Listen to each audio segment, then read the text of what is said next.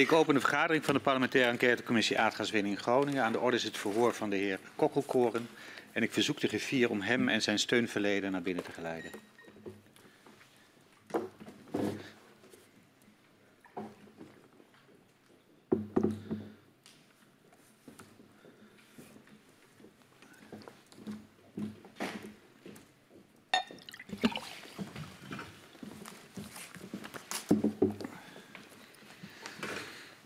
Goedemorgen, welkom meneer Kokkelkoren. Geldt ook u, voor u, mevrouw Heijnen, hier bij de parlementaire enquêtecommissie aardgaswinning Groningen. 60 jaar aardgaswinning heeft Nederland veel gebracht, maar kent zeker voor gedupeerde schaduwkanten. Deze schaduwkanten hebben ook geleid tot het besluit om de aardgaswinning in Groningen te stoppen.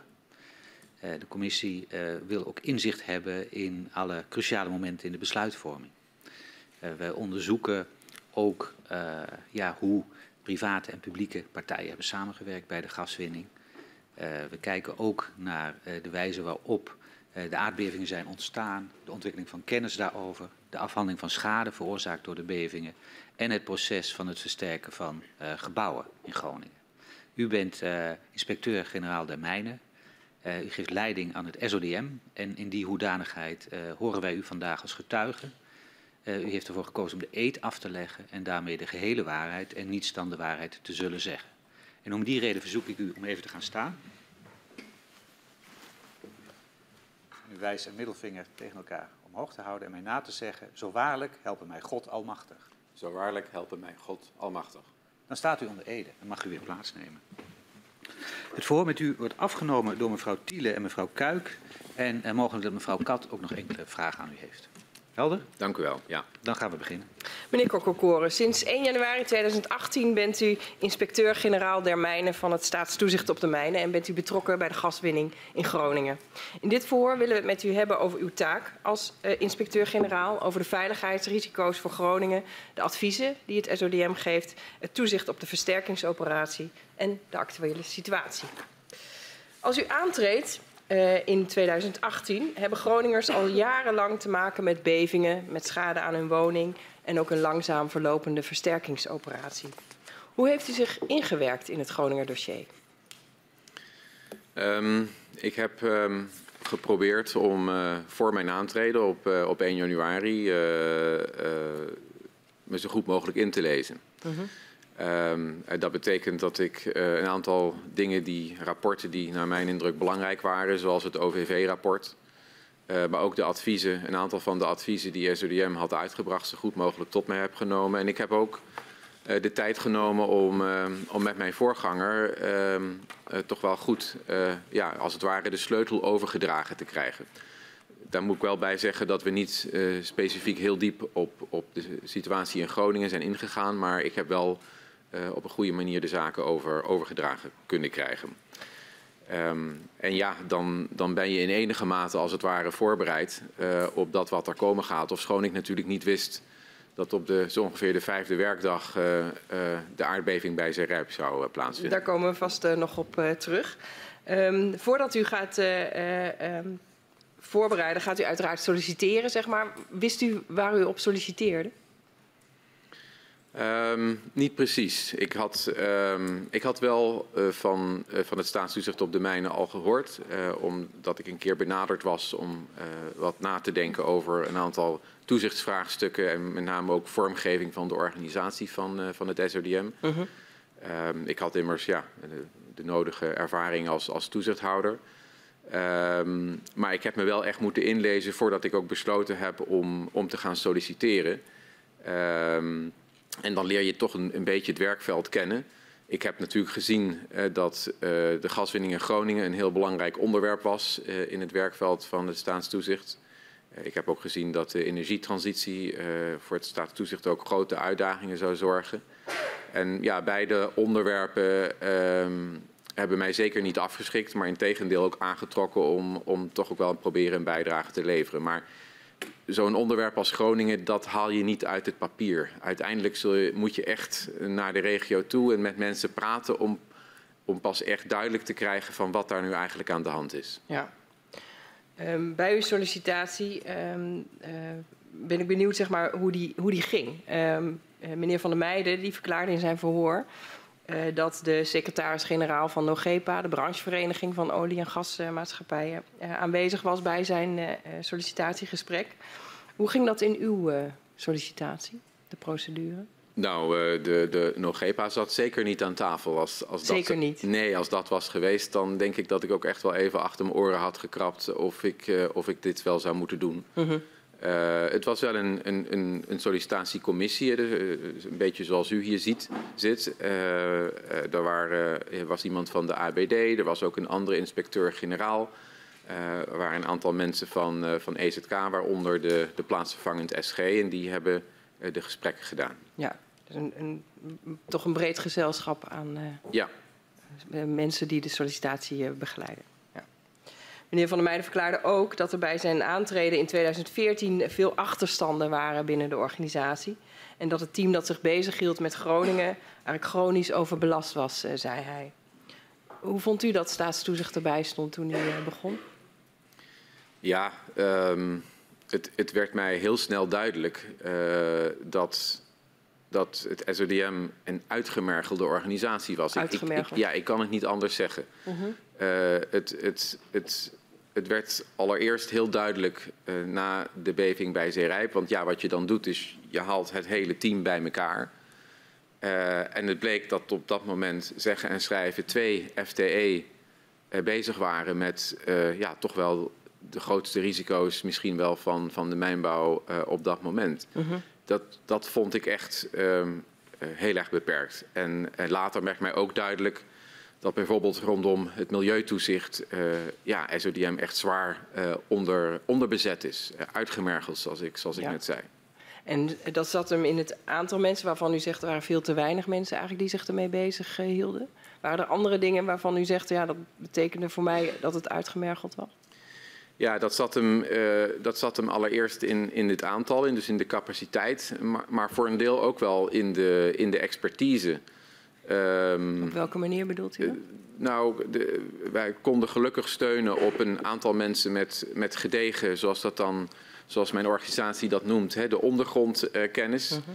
Maar uh, kennis van, van hoe de risico's doorwerken naar de bovengrond, hoe ze doorwerken naar um, uh, de, de gebouwen, de kracht van de gebouwen, uh, hoe het doorwerkt, hoe, hoe je als het ware ook naar zo'n complexe operatie als zo'n versterkingsoperatie moet kijken. Uh, ja, daar was eigenlijk heel weinig, zo, om niet te zeggen geen expertise van aanwezig. En um, ja, dat, daar, daar schrok ik toch wel een beetje van. Ja, en wat, wat, wat, wat deed u met dat schrikken, om het zo te zeggen? Nou, ik heb eigenlijk nog diezelfde maand, terwijl wij bezig waren in, uh, uh, onder hoge druk om ons advies voor te bereiden, wat uiteindelijk op 1 februari is, is gepubliceerd, hebben wij ook een claim ingediend om, om extra capaciteit te krijgen. Zodat wij ja, mensen konden gaan werven. zowel om de capaciteit te verhogen, meer, meer handen als het ware, maar ook om, om expertise, met name ook die bovengrondexpertise aan te kunnen trekken. Ja. Want wat vond u dat uw opdracht was toen u aantrad in januari? Nou, um, ik vind in zijn algemeenheid de, de opdracht, de taak uh, van een toezichthouder, die, die wordt gegeven door de wet. De wetgever is degene die bepaalt wat, wat de toezichthouder zou moeten doen. En um, nou moet ik ook wel zeggen, dat werd mij ook duidelijk uh, toen ik begon in januari en wij bezig waren uh, met, die, met de situatie in Groningen dat de wet eigenlijk uh, niet zo heel erg duidelijk is. Het woord veiligheid wordt niet gedefinieerd in de mijnbouwwet. Uh -huh. um, dus het kader is, is wat dat betreft en ook die, die taak is wat dat betreft eigenlijk heel open geformuleerd. Um, maar ja, het is, het is uiteindelijk wel de wetgever die bepaalt wat wij moeten doen. En, um, en naar onze interpretatie houden wij dus toezicht. Dus onze hoofddoelstelling om ook die veiligheid in Groningen bij, uh, te borgen. En dat, dat doen wij door breed naar veiligheid te kijken. Dat gaat niet alleen over de veiligheid van de gebouwen. Uh -huh. Dat gaat ook over het welzijn van de mensen. Dat gaat ook over hun gezondheid. Um, nou ja, daar zullen we straks nog wel verder, daar verder zeker, op komen te spreken. Daar komen we zeker nog op terug. Maar u zegt dus, hè, mijn opdracht was eigenlijk om te zorgen dat die wet uitgevoerd uh, wordt. Maar die bood voor het staatstoezicht eigenlijk te weinig kader. Is dat wat ik moet begrijpen? Nou ja, dat, eh, dat is wat ik in de algemeenheid doe. Ik kijk van wat is onze hoofddoelstelling. Nou, dat is de veiligheid van mensen en milieu. Daarnaast werd mij ook wel duidelijk, um, en, maar dat werd mij duidelijk uit de gesprekken die ik voerde, uh, dat er een wens bestond uh, dat ja, SODM zich weer zou, zou kunnen ontwikkelen als een, als een autoriteit. Uh -huh. uh, die um, zichtbaar voor de mensen, ook in Groningen, maar überhaupt hè, voor iedereen, voor alle belanghebbenden van, van de mijnbouw, uh, als autoriteit, als toezichthouder zou kunnen optreden. Met de luiken open. en ook heel goed luisteren naar wat al die belanghebbenden, maar met name ook de burgers in Groningen te zeggen hebben. Ja. Groningen is een deel van uw totale takenpakket. Hoe zou u zeg maar, de verhouding tussen Groningen en andere mijnbouwactiviteiten waar u toezicht op houdt ja, duiden? Zeg maar? Ja, als je, als je kijkt naar, naar het aantal domeinen, dan uh, SODM is van oudsher bezig met, met de steenkoolwinning. daar zijn we uiteraard zo ongeveer 50 jaar geleden mee gestopt. Dat was het moment dat de gaswinning in Groningen ook gestart -huh. werd. Maar er zijn nog steeds na-eileffecten van die lange steenkoolwinning. En dat zorgt tot op de dag van vandaag nog tot risico's in de provincie Limburg. Dat is een aandachtveld. Dat is dus een aandachtveld uit het verre verleden. de zoutwinning, we houden ook toezicht op de zoutwinning, die we ook al meer dan 100 jaar ondernemen in Nederland die ook nog heel belangrijk gaat worden voor de energietransitie, omdat je in, oude, in zoutcavernes heel goed waterstof kunt, uh, kunt opslaan. Uh, we hebben geothermie uh, erbij gekregen, wat een compleet nieuw domein is. We houden toezicht op de windparken op zee. Dus als je het zo allemaal naast elkaar zet, en ik vergeet nog een aantal andere domeinen, dan, dan lijkt het alsof Groningen maar een relatief kleiner deel is. Maar in termen van ja, de aandacht die het van mij heeft gekregen, uh, heeft Groningen een, een, een, belangrijk deel van mijn aandacht gekregen. Ik, ik, zou zeggen, ik kan er niet een percentage op plakken of zo, maar uh, minder dan de helft, maar wel, maar wel substantieel. Um, u diende een claim in om dat uh, team op volle sterkte te krijgen. Um, werd die claim gehonoreerd? Die, die claim werd, uh, werd gehonoreerd.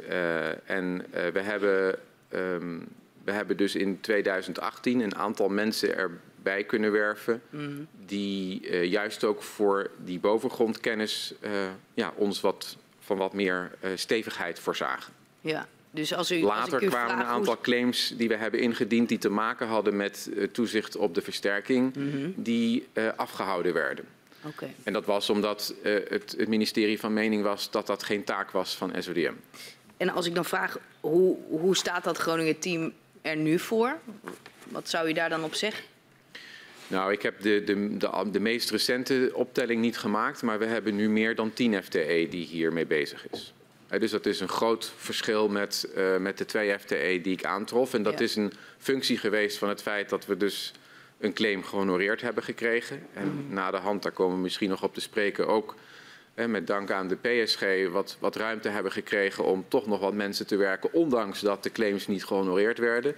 En we hebben ook geherprioriteerd. Ja. De, de PSG, ik... De... Plaatsvervangend eh, secretaris-generaal. Dank. Um, u gaf al aan uh, dat Groningen dossier, um, ja, daar kom je ook niet helemaal in door alleen maar naar dat papier te kijken. Dat, dat, uh, dat, dat, dat begrijp je en voel je beter ook door er te zijn en met mensen in gesprek te gaan. Hoe heeft u dat aangepakt? Ja, de, uh, in die eerste maand heb ik dat niet kunnen doen. Uh, alle, het was alle hens aan dek en ja. wij wilden zo snel mogelijk ook dat advies wat we op 1 februari publiceerden uh, afronden. Mm. Ik ben wel, juist ook omdat ik aanvoelde, hè, de SODM moet zich weer als autoriteit ontwikkelen met de luiken open, ben ik naar de regio toegegaan. Ik ben om te beginnen met de maatschappelijke organisaties uh, gaan spreken. ik ben ook met de regiobestuurders gaan spreken. En Later in het jaar heb ik ook uh, uh, de ruimte gehad om uh, met hulp overigens uit de regio, ook om bij mensen thuis met hen te gaan praten. Ja. En um, ja, dat, de, dat heeft mij wel heel erg ontsteld. die, ik kwam echt ontdaan thuis van, van die eerste dag dat ik de hele dag rondgereden werd in, in Groningen door, door iemand uit Groningen. Mm. En mensen thuis aan tafel heb gezeten en ja, het, het is, het is, het is ehm, eigenlijk niet te bevatten wat je dan, wat je dan meekrijgt. Wat, wat, wat krijgt u dan mee, wat u zo raakt? Nou, je, je spreekt met mensen die, uh, die, ja, die mur geslagen zijn, maar die ook radeloos zijn, die, die klem zitten. Hè. Ze, mm. Sommige van hen willen wel weg, maar kunnen helemaal niet weg. -hmm. uh, ze hebben natuurlijk te maken met, uh, met de aardbevingen en de onzekerheid die daarmee speelt. Maar, en sommige van hen ja, die zitten als gevolg daarvan al jarenlang in de onzekerheid, in de stress, wat, waar ze gewoon letterlijk ziek van worden. Ehm, mensen die ook zich behandeld voelen uh, ja, alsof, alsof ze bijna crimineel zijn. Dat, zij voelen zich niet ook vertrouwd door de overheid. Terwijl ze eigenlijk zo graag zouden willen dat ze beschermd zouden worden door die overheid. Dat, dat klinkt heel intens door in die mm. gesprekken. En ja, ik moet zeggen, dat, daar, daar, daar, ik, ik kwam er echt ontdaan van terug. Ja, en, en wat doet dat voor uh, de taak die u heeft? Nou, het, het, het, maakt, het maakte voor ons heel duidelijk dat je veiligheid niet mag verengen tot een veiligheid van een gebouw. Veiligheid is meer dan dat. Uh, veiligheid is dus ook die gezondheid, is dat welbevinden. Uh, en van daaruit ook ja, het vertrouwen dat mensen in, in de overheid moeten kunnen hebben. -hmm. Um, in 2019 uh, concludeert uh, Staatstoezicht ook dat er in Groningen in enige mate sprake is van een voortdurende maatschappelijke ontwrichting. Um, en in de technische briefing die u geeft aan de Tweede Kamer spreekt u ook over een crisis. Um, kunt, u, kunt u daar ja, meer woorden aan geven? Wat, wat, wat houdt dat volgens u in, die maatschappelijke ontwrichting? Ja, nou, ik, misschien moet ik even een, een aanloop nemen, want eh, gaandeweg 2018, hè, zoals, zoals u weet, zoals het ook in de vorige hier langs is gekomen, heeft uh, de regering een aantal besluiten genomen. Niet alleen met betrekking tot de gaswinning, maar ook met betrekking tot de aanpak van de versterking. En het idee was om de versterking op een andere manier uh, vorm te geven. Uh, nou, in eerste instantie sprak daar uh, veel urgentie uit. Hè. Dat de ambitie was om eigenlijk na de zomer van 2018 al een compleet nieuw plan van aanpak te hebben en op die manier de versterking te gaan versnellen. Hè. De ambitie was echt om het te gaan versnellen. Maar dat gebeurde helemaal niet, want er lag na de zomer nog geen plan van aanpak. Er lag pas een, een, een eerste plan van aanpak in november, maar daar ontbrak eigenlijk nog de financiële paragraaf, daar ontbrak nog aan hoe deze uh, versterking eigenlijk gestuurd zou moeten worden. En de, ja, het Rijk en de regio bleven maar onderhandelen uh, over hoe die versterking vormgegeven zou moeten worden. Dat is doorgegaan tot, tot begin 2019. En, ja, ik, hoe verklaart u dat? Ik voelde dat gewoon geen urgentie. Hoe en, verklaart u dat nou? Dat, dat, dat, u geen, nou, dat er geen, schijnbaar geen urgentie was? Of in ieder geval een nieuwe beleving? Ja, ik vind dat, ik vind dat eerlijk gezegd heel moeilijk te verklaren. Um, en ik weet eerlijk gezegd ook niet of ik dat kan. Uh, het, het, is zo'n groot contrast. Want op het moment dat je met de mensen zelf praat, de, mm. de, de burgers, ja, bij hen is er alle, alle urgentie. Ja. Uh, maar in, in, in dat hele proces kwam dat helemaal niet naar voren. En ik heb wel eens ja, een, en dan bedoelt u het proces? Het, het, proces om te komen tot dat, plan van, dat nieuwe plan van aanpak. Dus dat, dat is zo uitgestrekt gegaan en daar zijn zoveel overleggen geweest. Ja. En ik, ja, ik, heb, ja, ik heb wel eens een, een, een burgemeester in, in Groningen horen reflecteren van ja, we, we, de, de, de urgentie wordt wel beleden, maar we geven er eigenlijk te weinig uh, invulling aan. Ja. En ik, uh, een, een, een, directeur bij EZ die, die net was uh, gestart, die heeft wel eens ge, gememoreerd dat hij zei van ja, het lijkt, het lijkt wel alsof de bestuurders niet geloven in de risico's. Ik, ik moet zeggen, ja, ik, ik hoor dat dan, maar ik, ik heb er heel veel moeite mee. Want hoe kan het nou zijn dat je die urgentie niet voelt op het moment dat je ziet dat, uh, dat een provincie zo aan het lijden is? Ja. En, en, hoe zat dat met, met lokale bestuurders? Want u gaf aan, ik sprak met maatschappelijke uh, organisaties, met lokale bestuurders. Wat kwam daarin naar voren um, in de gesprekken? Nou ja, de, de, uh, de, wat, wat ik aantrof toen ik ook met de bestuurders ging spreken. Ik, schrok wel van, van het grote wantrouwen tussen de bestuurders in de regio en, en, en, en uh, bij het Rijk. Uh, ja, dat was echt gewoon flink onder het, vrie, onder het vriespunt. Um, dus het was ook voor de regiobestuurders heel lastig. Zij zaten natuurlijk ook gevangen in uh, in, in die spagaat. Aan de ene kant wilde men vooruitkomen en komen tot een goed plan van aanpak, waar, mm. waar de regiobestuurders ja, duidelijke opvattingen over hadden, die alleen niet strookten met de opvattingen van, uh, van het Rijk. Mm -hmm. uh, dat tot die onderhandeling leidde, uh, die maar zo lang bleef voortduren. En tegelijkertijd voeden de regiobestuurders, zien natuurlijk ook dat een deel van, van hun eigen mensen hier erg onder lijden voor hen is dat ook een enorm, enorm dilemma. Kreeg u de vinger daarachter waar dan precies dat verschil zat tussen aan de ene kant uh, de regiobestuurders uh, en aan de andere kant uh, het Rijk? Nou ja, de, de, ik denk dat de regiobestuurders, en dat is hier ook een aantal keren al heel goed naar voren uh, gebracht, die, die, staan voor de hele regio. Die vinden de ontwikkeling, de economische ontwikkeling en, en van de regio heel erg belangrijk. Die vinden het ook belangrijk dat er, uh, dat, er dat dorpen en, uh, en wijken aangepakt kunnen worden. En ze vinden het uiteraard belangrijk dat, um, dat, uh, dat huizen die dat nodig hebben, dat die zo snel mogelijk versterkt worden. Maar dat zijn allemaal wel verschillende belangen. Ja. En die hoeven niet altijd per se precies in het verlengde van elkaar te liggen. Dus ook in de als ik het goed begrijp, uh, ook in de regio zelf waren er verschillende uh, belangen die ook weer uh, met elkaar konden botsen. Dat was wel mijn taxatie, ja. ja. Okay. U refereerde er zelf al aan. Een week nadat u start als inspecteur-generaal vindt een aardbeving plaats bij Zeerijp op 8 januari 2018. Staatstoezicht spreekt dan over code rood, omdat de beving een hoge grondversnellingswaarde heeft. Uh, en de beving heeft een kracht van 3,4 op de schaal van uh, Richter. Wat betekent code rood?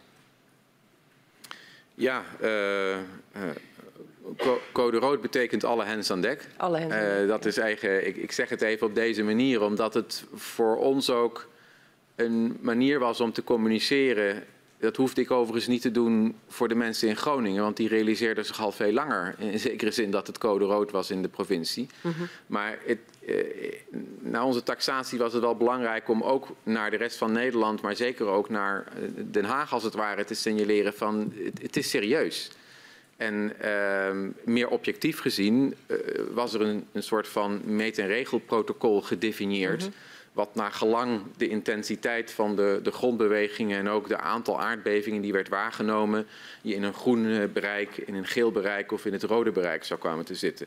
Met de beving van Zeerijp uh, uh, kwamen we in het rode domein te zitten. En dat is ook de reden dat wij uh, die code rood hebben gecommuniceerd. En wat betekent dat dan in de praktijk?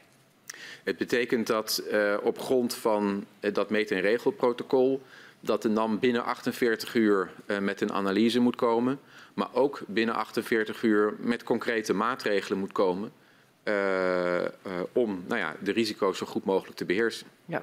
En NAM doet dat ook, maar op 11 januari noemt het staatstoezicht de maatregelen die NAM voorstelt niet concreet genoeg. Waarom vond u de maatregelen die NAM voorstelde niet concreet genoeg? Nou ja, ik, ik was, ik was teleurgesteld in het in, in de brief die wij ontvingen van de NAM.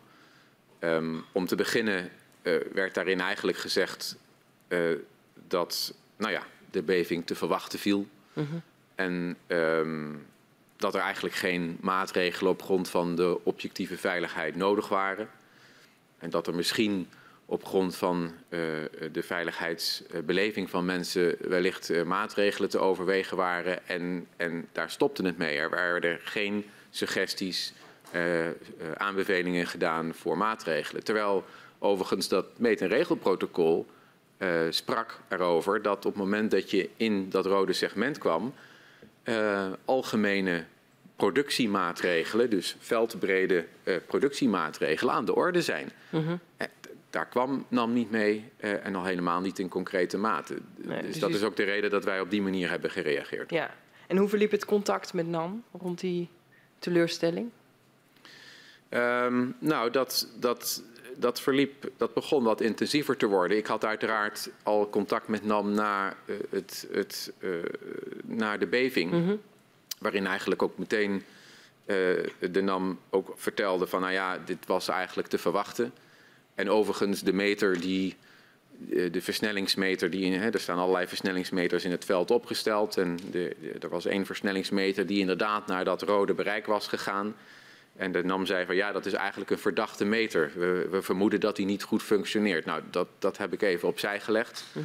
Overigens, achteraf blijkt dat dat nou juist uh, een goed functionerende meter waren. En dat er andere meters waren die niet uh, goed functioneerden. Maar de houding en, en de toon was er een van, van, van, van bagatelliseren. Toen ik vervolgens aan de baas van de NAM vertelde van ja, maar dit is niet goed. Ik wens van jou een, uh, een concreet advies te krijgen. Uh, ja, gaf hij eigenlijk uiteindelijk aan van ja, maar mij is gevraagd vanuit het departement, het departement van Economische Zaken, om juist geen uh, concreet advies te geven. Ja, toen viel ik uh, bijna van mijn stoel. Ja. want het kan niet zo zijn dat het, het, bevoegd gezag, het, het, minister van het departement van Economische Zaken, tegen de wet en regelgeving in eigenlijk, tegen de onder toezicht staande instelling zegt van ja, doet u maar niet wat eigenlijk de wet wel van u verlangt. Ja. Uh, nou, ik heb, dat kunt u zich voorstellen, ook direct contact opgenomen met, uh, met het ministerie van, maar als dit waar is, dan, dan, uh, dan ben ik echt absoluut niet blij. Um, het, het, heeft erin geresulteerd dat ik met de DG Energie en de baas van, van de NAM op het ministerie ben gaan praten om nog eens een keer duidelijk te maken dat er een concreet advies moest komen. Nou, daar was uiteindelijk iedereen het ook over eens. En wanneer was dat, zeg maar, die bijeenkomst op het ministerie? Um, ik geloof dat dat in de week na uh, de, de, beving van Zeerijp was. Okay. Ik meen dat dat op 11 januari was, maar dat zou ik precies moeten nakijken. Ja. Maar in ieder geval in die tweede week. Ja, en, wat, uh, wat sprak u daar af met elkaar? Nou ja, de, de NAM, ik heb nogmaals duidelijk gemaakt dat het de verplichting was van de NAM om met concrete maatregelen te komen. En dat als zij die verplichting niet nakwamen, ze mogelijk uh, ja, in feite de zorgplicht die ze hebben zouden overtreden. Ja. Nou, dat vond de NAM een hele vervelende opmerking, maar het was wel de realiteit. En uiteindelijk is dan ook de NAM alsnog met een uh, ja, concreet uh, advies gekomen. Ja, en wat was de reactie van de economische zaken? Um, nou, in dat gesprek uh, kon ik constateren dat, dat uh, de DG Energie dat ook steunde en zei van ja, dan zal er inderdaad een concreet advies moeten komen. Ja. Heeft u nog doorgevraagd hoe het kwam uh, dat, dat aan u was verteld dat economische zaken een andere boodschap aan de NAM had gegeven? Ik heb dat op dat moment niet op doorgevraagd, nee. Maar het werd mij wel duidelijk in die eerste maand, mijn, mijn, eerste, mijn eerste maand, dat, mm -hmm. dat ehm, ja, de, de, de lijnen tussen EZK en de NAM heel erg kort waren. Uh, in die eerste week hoorde ik van de NAM, hè, dat past eigenlijk bij wat statistisch we verwachten. Nou ja, dat hoorde ik eigenlijk diezelfde dagen ook van, het, van het departement. dus ik kreeg een gevoel van ja, maar dit is een soort van vier handen op één buik.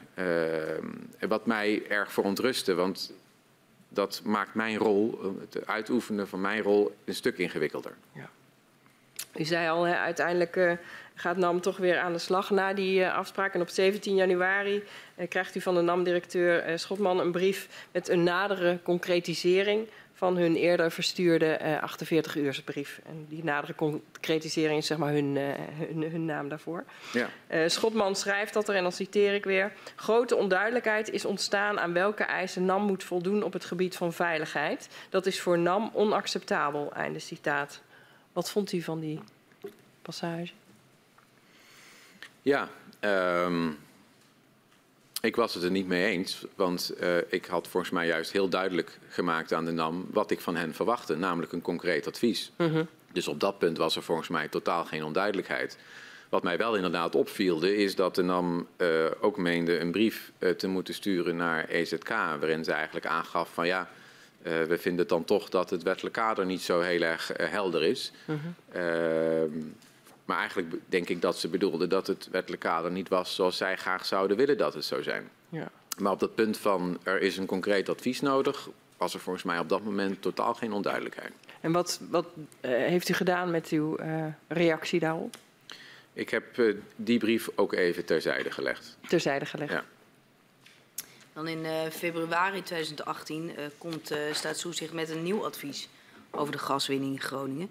U adviseert de minister van Economische Zaken om de gaswinning zo snel mogelijk te beperken tot maximaal 12 kub, miljard kub per jaar. Um, op welk moment was u ervan overtuigd um, dat de gaswinning flink naar beneden moest? Nou, wij, wij voelden wel al aan, eigenlijk direct na de beving van Zeerijp, uh, dat een flinke uh, productievermindering noodzakelijk was. Dat hebben we volgens mij ook zelfs in de eerste week in dat nieuwsbericht, ik geloof op de donderdag, mm. uh, naar buiten gebracht. Uh, waarop ik overigens ook weer wat verontruste te telefoontjes van, van de collega's van, van het ministerie kreeg. Um, maar dat, dat gevoel hadden we vrij snel duidelijk. En overigens, dat kon je in zekere zin ook al afleiden uit dat meet- en regelprotocol. Want ja, algemene productiemaatregelen, dan hebben we het niet over, uh, over, kleine, uh, uh, over kleine dingetjes ergens in het veld. Um, maar het is wel een zoektocht geweest. want um, ik heb ook in mijn, in mijn voorbereiding, dat noemde ik net niet, heb ik wel ook het de uitspraak van de Raad van State gelezen, die in eind november mm -hmm. van 2017 gepubliceerd werd. Waarin in feite het, uh, ja, het winningsbesluit van de minister uh, vernietigd wordt. En, um, en in, dat, in die uitspraak zag ik dat de minister in, naar het oordeel van de Raad van State eigenlijk onvoldoende kon argumenteren uh, dat hij de veiligheid goed had meegewogen in zijn goedkeuring van het winningsplan. Mm -hmm.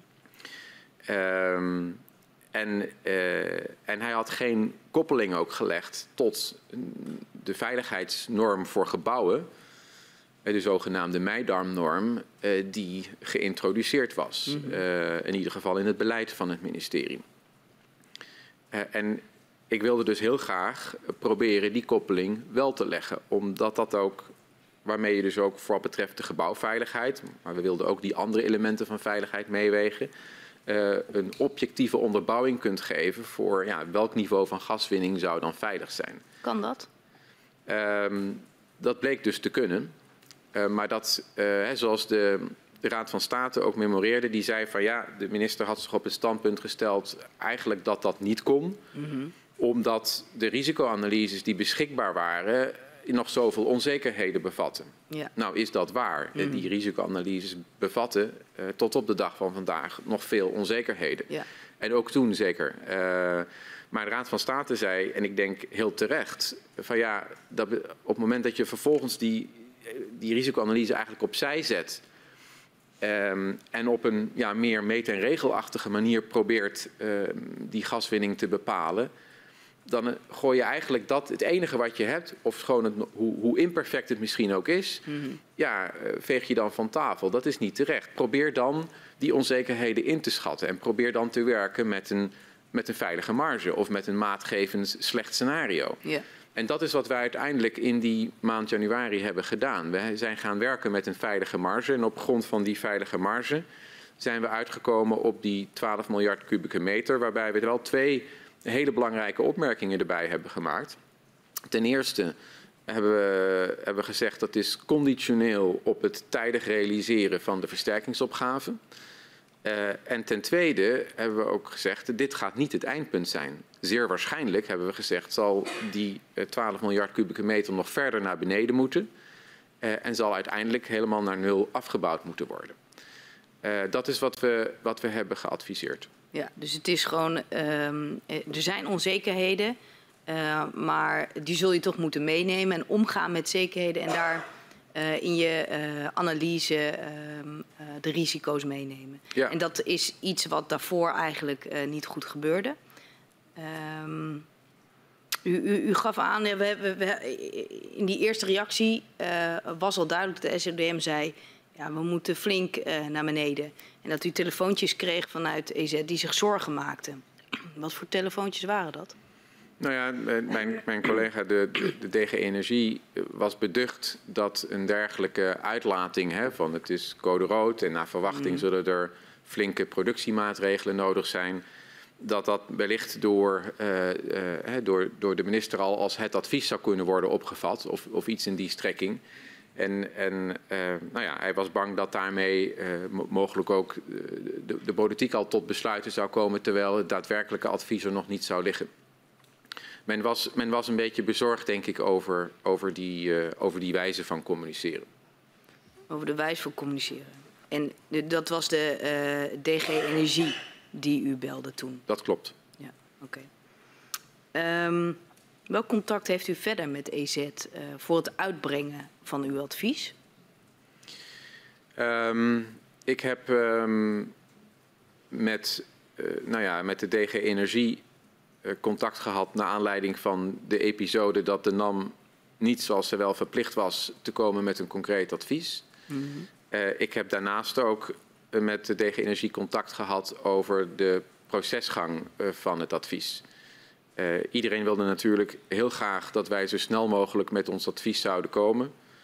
Uh, uh, wij hadden eerst de hoop dat ons dat op 25 januari al zou lukken. Nou, dat is uiteindelijk niet gelukt. Het is 1 februari geworden. Mm. dus ik had met hem contact over ja, wat onze realistische planning zou zijn. Yeah. En ik heb ook uh, met hem afgesproken op welke manier wij het advies ook naar de minister zouden brengen. Ik heb ook aan hem gevraagd, want het was natuurlijk allemaal ongelooflijk krap tijd. Ja.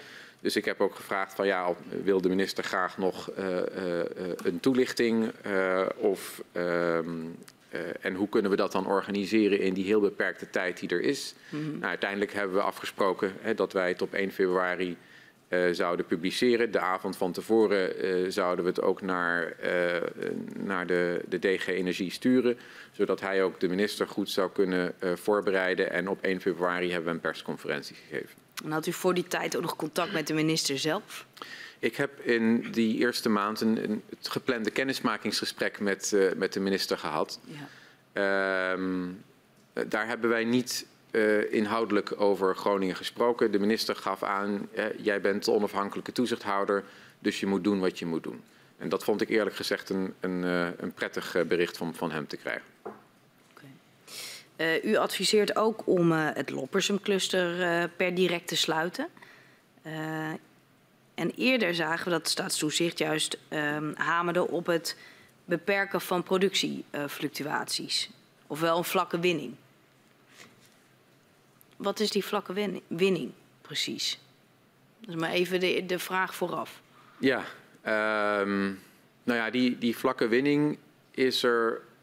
Uh, dat kun je op verschillende manieren naar kijken, maar het, het, het SODM, en dan, ik moet hier voor een deel spreken, ook namens mijn, uh, namens mijn voorgangers. Mm -hmm. Want uh, in de periode daarvoor hè, is de vlakke winning in enige mate naar voren gebracht.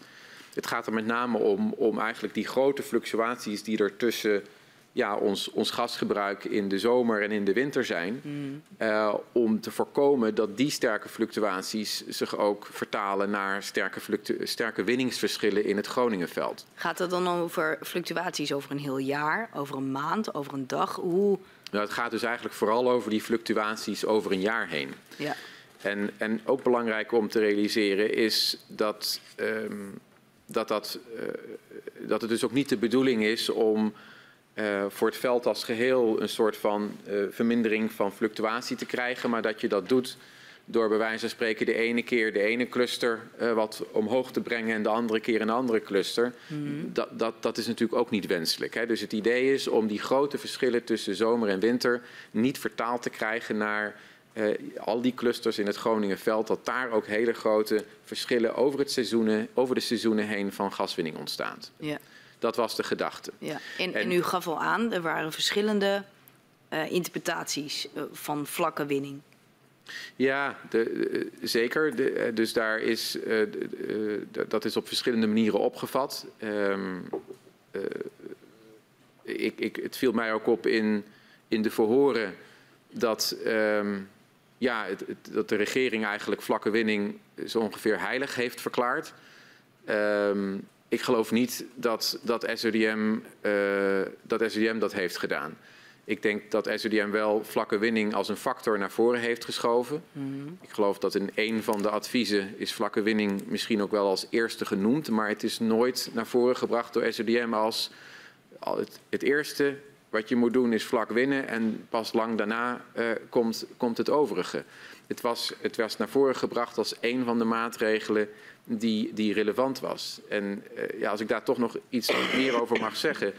Um, uh, als, als in, ik denk als aan welke IGM dan ook gevraagd was van ja, wat is nou eigenlijk veiliger uh, in, voor, de, voor, de, voor de mensen in Groningen?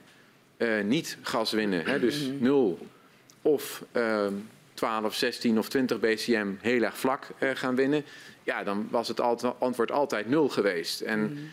uh, maar het, het, is een soort van leven gaan leiden, althans dat leid ik af uit de verhoren, die denk ik niet past bij hoe het uh, door SODM naar voren is gebracht. Um, u gaf aan, maar SODM heeft het wel als factor naar voren gebracht. Klopt. Het, we hadden het net over heel veel onzekerheden die er zijn. Dit is dan iets waar je nou, een beetje controle op kan, uh, kan uitoefenen. Kunt u begrijpen dat dat dan, ja, omdat dit iets is waar je wat aan kan doen, dat dat dan wel zo'n rol gaat spelen? Zeker, absoluut. En we hadden, het was ook niet voor niets door SODM in die jaren daarvoor naar voren gebracht.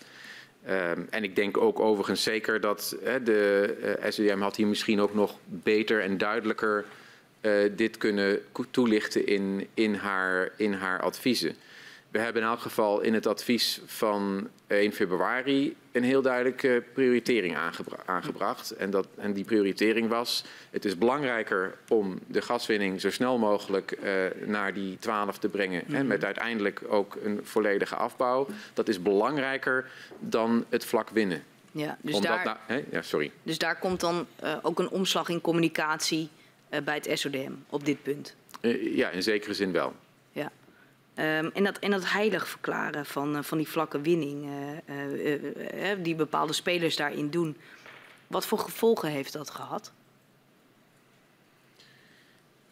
Ja, dat, dat, dat kan ik niet helemaal precies beoordelen. Maar als ik, als ik de verhoren zo terugkijk, en ik, ik heb ze overigens niet allemaal teruggekeken, maar, maar wel verslagen daarvan kunnen lezen, dan lijkt het alsof, alsof de, de vlakke winning toch ook wel. Um, ja, een rol heeft gespeeld om, eh, of eigenlijk laat ik het andersom zeggen, dat de mm. vlakke winning mogelijk wel verhinderd heeft om in sommige situaties Sneller. nog wat verder terug te gaan ja. in, de, in de gaswinning. Oké. Okay.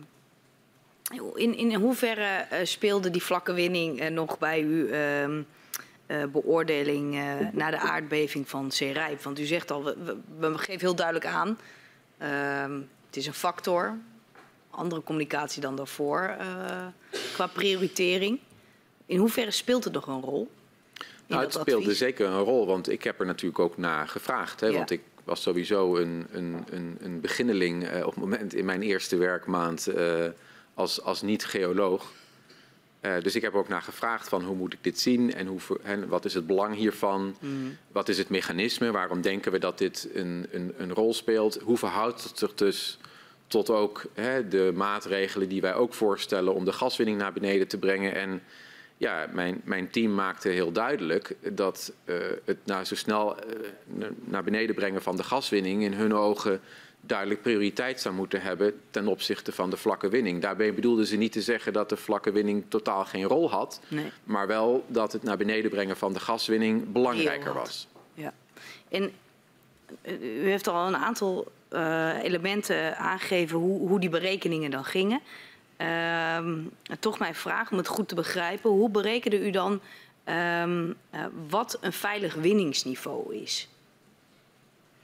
Uh, ja, um, dan worden we wel iets technischer.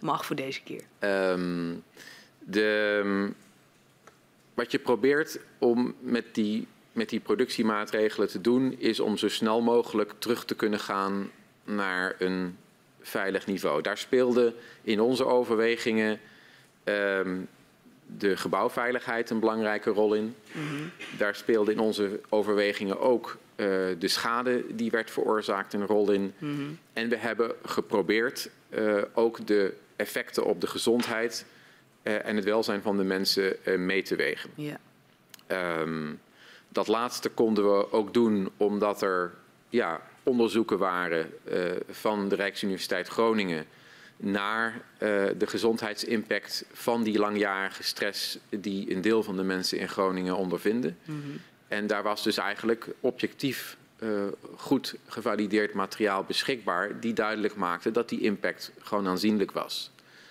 Um, we, hebben, we konden kijken naar de, de grote hoeveelheden schade die, uh, die, ja, die mensen rapporteerden.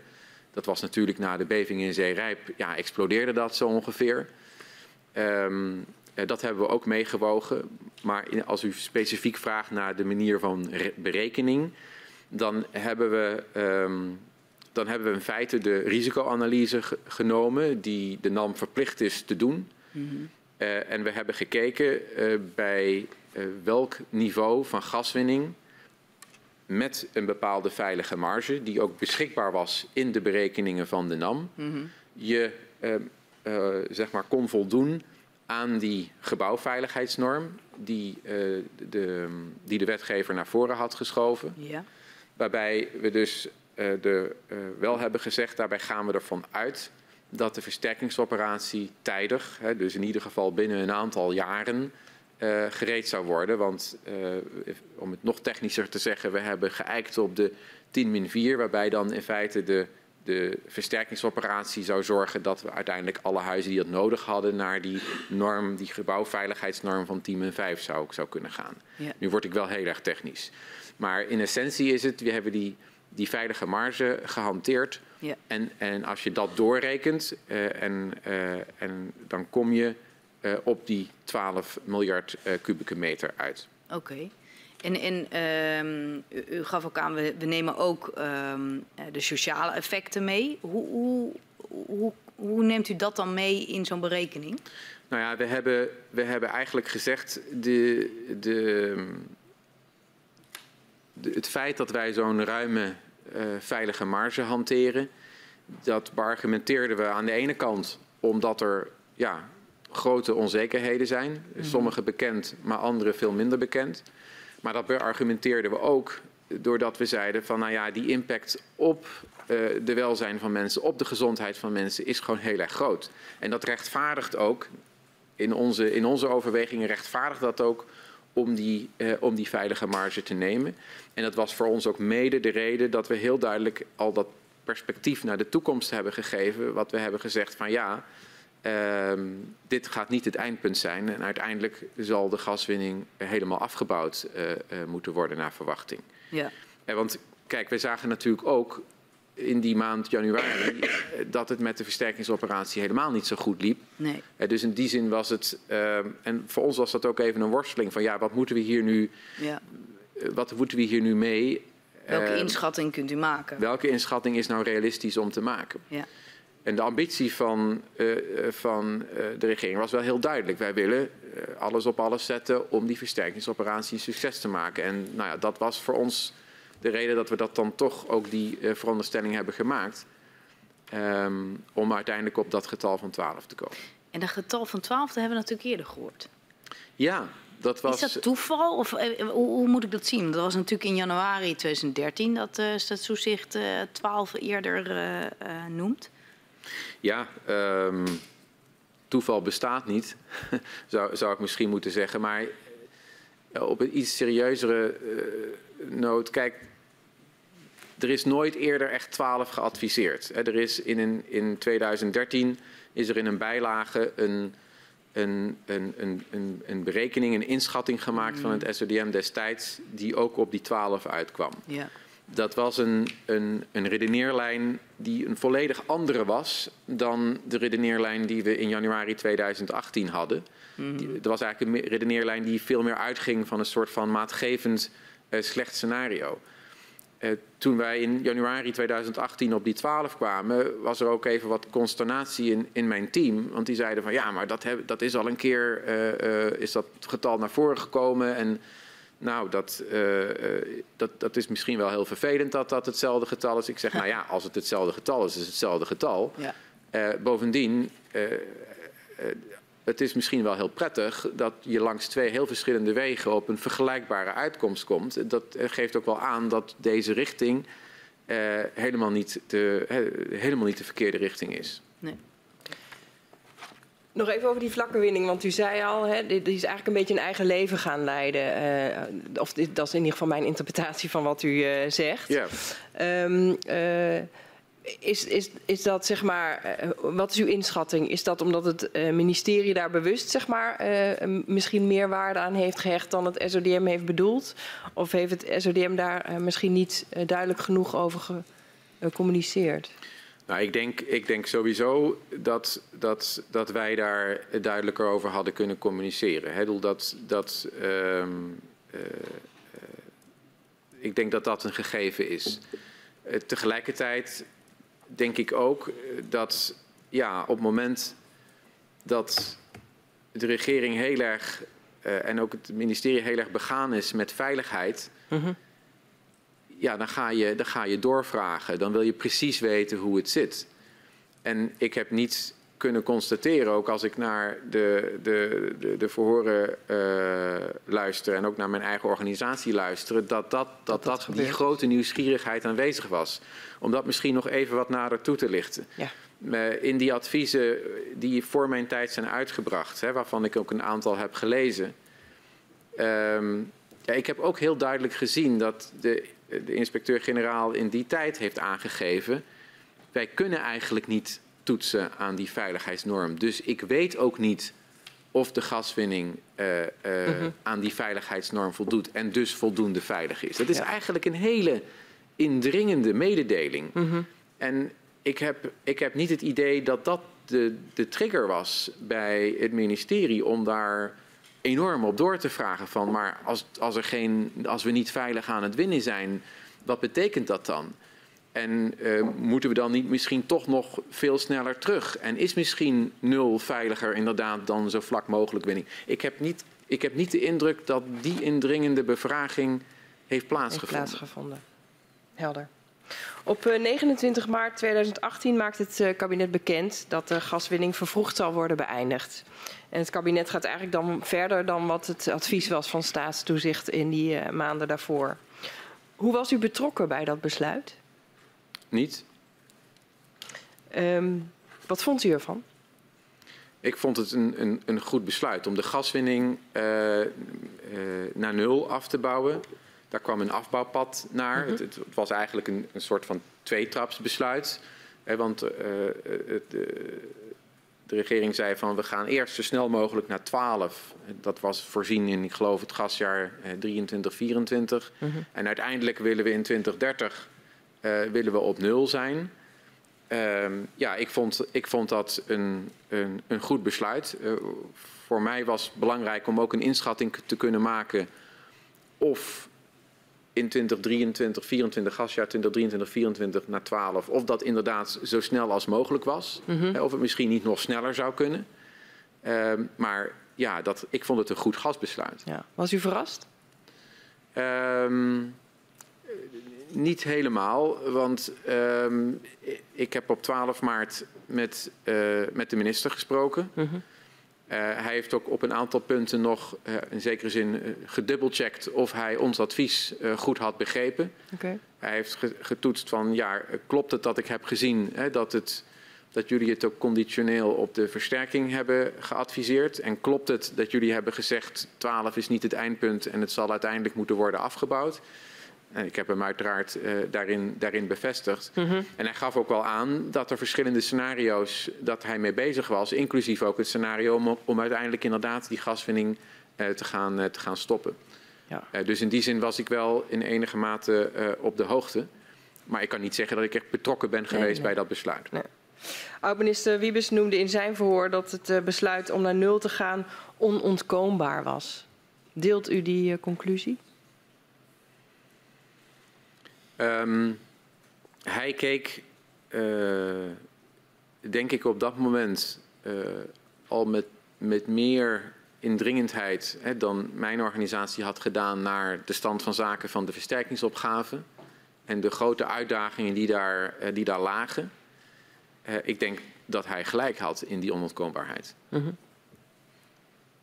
Uit eerdere verhoren weten we dat de betrokken ministers verwachten dat het besluit leidt tot een kleinere versterkingsoperatie.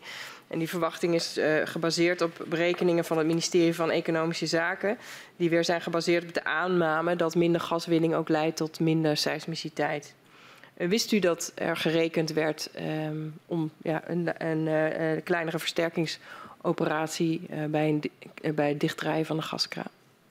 Nee, daar was ik niet, niet bekend mee. En um, ik moet zeggen, ik, um, ja, ik vind dat ook wel ik vind dat ook wel frustrerend. Want als ik nu de, de, de verhoren zo terugluister, dan, dan was er een soort van geloof uh, aanwezig bij het ministerie dat, ja, dat de versterkingsopgave nog maar zo'n 3000 uh, uh, adressen of, of, of gebouwen zou omvatten. En, en ja, ik, ik, ik, heb toch, ik heb even gekeken van ja, waar zou dat, dat dat getal nou vandaan komen? Nou ja, mhm. dat, dat heeft in, de, in die risicoanalyse van de NAM, hè, die, uh, die, de, de, laatste versie daarvan, die in november 2017 is opgeleverd. Mm -hmm. waar wij ook ons op hebben gebaseerd om te komen tot ons gasadvies. Daar werd inderdaad een, een, getal van, van 3000 genoemd. Maar dat is helemaal geen goede indicatie voor, uh, voor de omvang van, van de versterkingsopgave. Eh, daar, daar zijn naar mijn idee echt, echt um, verkeerde veronderstellingen gemaakt. Wat, wat naar, mijn, ja, naar mijn indruk toch terug te voeren is op, een, op, op, op onvoldoende kennis van, van die risicoanalyses. Ja, want u had zelf in dat gasbesluit, of in dat uh, gasadvies van uh, 1 februari 2018 ook gezegd hè, van. Uh, um, dit is ons advies, tenminste als de versterking op tijd wordt gerealiseerd. Even mijn woorden. Ja. Welke versterking ging, ging u vanuit op dat moment? wij gingen niet uit van een bepaalde, specifiek bepaald aantal gebouwen. Nee. Kijk, er was. mijn voorganger heeft ook aan TNO gevraagd, dat was al in 2015, om een inschatting te krijgen van waar hebben we het potentieel over. Mm -hmm. Nou, daar, daar kwamen hele grote aantallen uit. Hè. Dat is op het moment dat men door was gegaan met de, de productie op het niveau uh, van destijds, dan zouden nou ja, 100.000 uh, uh, gebouwen die orde grootte zouden versterkt moeten worden. Dat ja. was een, een, een, een, inschatting, een berekeningsinschatting die, die TNO in opdracht van, van SODM heeft gemaakt. Ehm, eh, als de gaswinning teruggebracht zou worden naar, naar zo'n 24 BCM, dan zouden dat nog steeds zo'n ja, 35, 40.000 uh, uh, gebouwen zijn. Echt een gigantische opgave. Um, ik geloof dat de NCG op, in, aan het begin van 2018 in eerste instantie ervan uitging dat het om zo'n 20.000 gebouwen zou gaan. Maar dat, ik zeg daarbij in eerste instantie omdat zij begonnen zijn binnen een bepaalde contour, zoals dat dan heet, uh, te werken. Maar de NCG, Hans Alders, heeft ook heel duidelijk aan mij verteld. Ja, dat zou niet, helaas niet het eindpunt van de versterking zijn. Omdat ook buiten die contour naar verwachting er nog voor gebouwen versterkt moeten worden. Dus het was mij wel duidelijk, dit is echt een, een, een hele grote uh, opgave.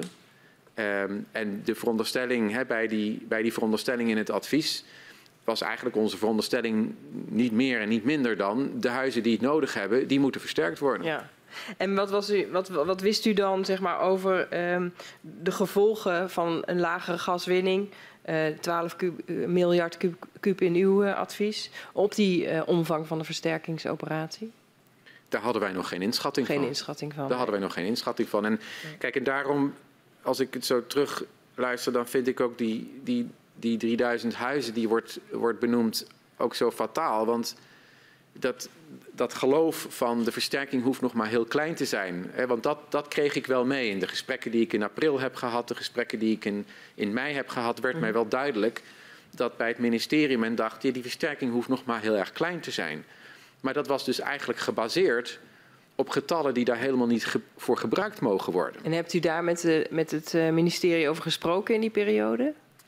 Nou ja, ik heb met hen daarover gesproken na uh, het, het, besluit, het gaswinningsbesluit. Uh, ik heb ook in, overigens in maart al aan de minister aangegeven dat wij een inschatting zouden maken wat de gevolgen van het gasbesluit zou zijn voor de risico's uh, van de gaswinning in Groningen. -hmm. Ehm, en dat advies zouden we waarschijnlijk in, ju in juni van dat jaar gaan opleveren. Ehm, en wij waren daar op dat moment uh, als het ware mee bezig. Maar ja, ik merkte wel al in de gesprekken van ja, uh, het, het, hoeft nog maar heel klein te zijn. En uh, een aantal van de, de, groepen huizen die op dat moment voor versterking, ja, eigenlijk in het versterkingsproces zaten. Ja, daar hoorde ik ook van op het ministerie dat men dacht dat dat niet meer nodig was. Ja. En het was voor mij ook niet duidelijk van ja, waar baseren ze dat nu eigenlijk op? En ik heb wel gezegd van ja, pas nou op om, om hier nu inschattingen die jullie misschien hebben uh, voor, voor waarheid als vaste waarheid neer te zetten. Ja. Maar goed, dat, ook dat was overigens die gesprekken die ik had na het moment waarop uh, wat inmiddels de pauzeknop is gaan heten, waarop de pauzeknop was ingedrukt. Ja. En u zei net, even of ik dat goed hoorde, u zei, ik, ik zei toen ook wel dat staatstoezicht in juni nog met een advies zou komen daarop. Zei u dat? Dat heb ik aangekondigd, ja. ja. Zowel mondeling als ook, als ook schriftelijk overigens naar, naar de minister en, en naar het ministerie. Ja. Uh, en uh, vervolgens is daar later nog een adviesvraag uh, gekomen van, van, van hen. Ja, daar komen we zo nog op terug. Uw voorgangers, de heer De Jong en de heer Van der Meijden, verklaarden in hun voor dat ze geen inzicht hadden in de leveringszekerheid. Van der Meijden sprak over een zwarte doos. Hoeveel inzicht had u in de leveringszekerheid? Ja, dat was, dat was inderdaad een zwarte doos voor ons. En, maar goed, ik heb, ik heb in het advies dat wij één je uitbracht, heb ik niet naar leveringszekerheid gekeken. Uh, het, het, het, dat is niet onze rol. Nee. Het is, ik vond het belangrijk om vanuit het oogpunt van veiligheid duidelijk te maken hè, wat naar ons oordeel mm. noodzakelijk was. Ja. En dat is wat wij hebben geadviseerd. En op het moment dat daar een spanningsveld met leveringszekerheid mm. zou ontstaan, dan is het aan de minister om een afweging te maken en om te kijken ja, welke pijn, als het ware, economische pijn uh, uh, geleden kan worden. Uh, om de veiligheid in Groningen zeker te stellen. En op het moment uiteraard dat leveringszekerheid voor veiligheidsproblemen elders in Nederland zorgt, dan zal hij natuurlijk die ja. beide veiligheidsvraagstukken moeten afwegen. U, u, adviseert de minister ook om dit dan um, navolgbaar en inzichtelijk te maken? Ja, dat klopt. Waarom? Nee, dat, ik denk dat dat heel belangrijk is. En uh, juist ook voor de, de mensen in Groningen. Dat zij mm. weten dat als er een besluit wordt genomen op welke manier de veiligheid van de gaswinning in Groningen voor hen daarin een plek heeft gehad. En als dat afgewogen wordt uh, tegen economische factoren, dan hebben ze recht op om dat te weten. Uh, als dat niet gebeurt, maar het wordt afgeweegd ten opzichte van veiligheidsvraagstukken voor, voor elders in Nederland, mm. dan is het belangrijk om dat zichtbaar te maken. Die navolgbaarheid is ook voor, ja, in zekere zin, uh, voor hun onzekerheid en voor hun welzijn belangrijk voor, voor die mensen in Groningen. En ja, het is natuurlijk aan de minister, geeft u aan.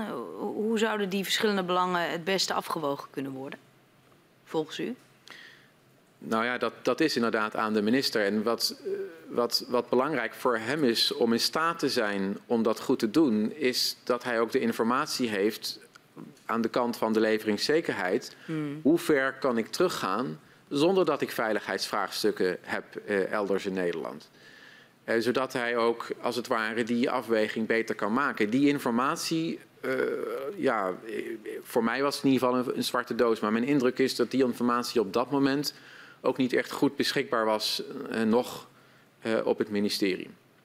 In november 2017 oordeelde de Raad van State dat de minister van EZ in een eerder winningsbesluit niet goed motiveerde waarom het belang van leveringszekerheid zwaarder weegt dan de belangen die tegen um, voortzetting van de gaswinning pleiten.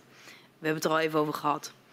Um, in hoeverre herkent u dat beeld?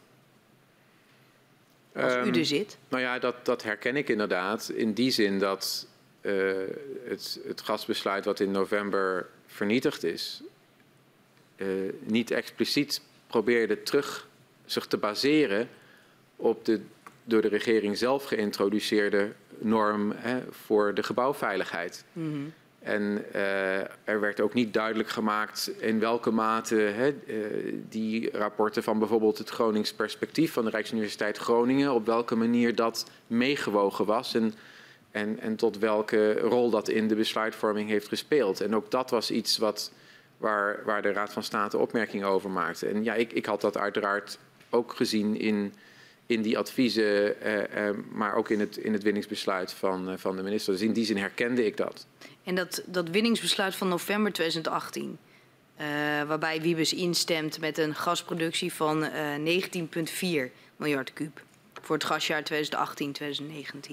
In hoeverre heeft u bij dit besluit beter zicht gekregen op de afweging van de minister? Um, nou, ik denk dat dat, um, dat, dat nog niet. Ik denk nog niet dat dat de lat. Uh, van, van de Raad van State helemaal haalde. Maar nogmaals, voor een deel is dat ook omdat de minister op dat moment denk ik nog niet alle informatie had die hij eigenlijk idealiter wel had moeten hebben om zo'n navolgbare afweging uh, te maken.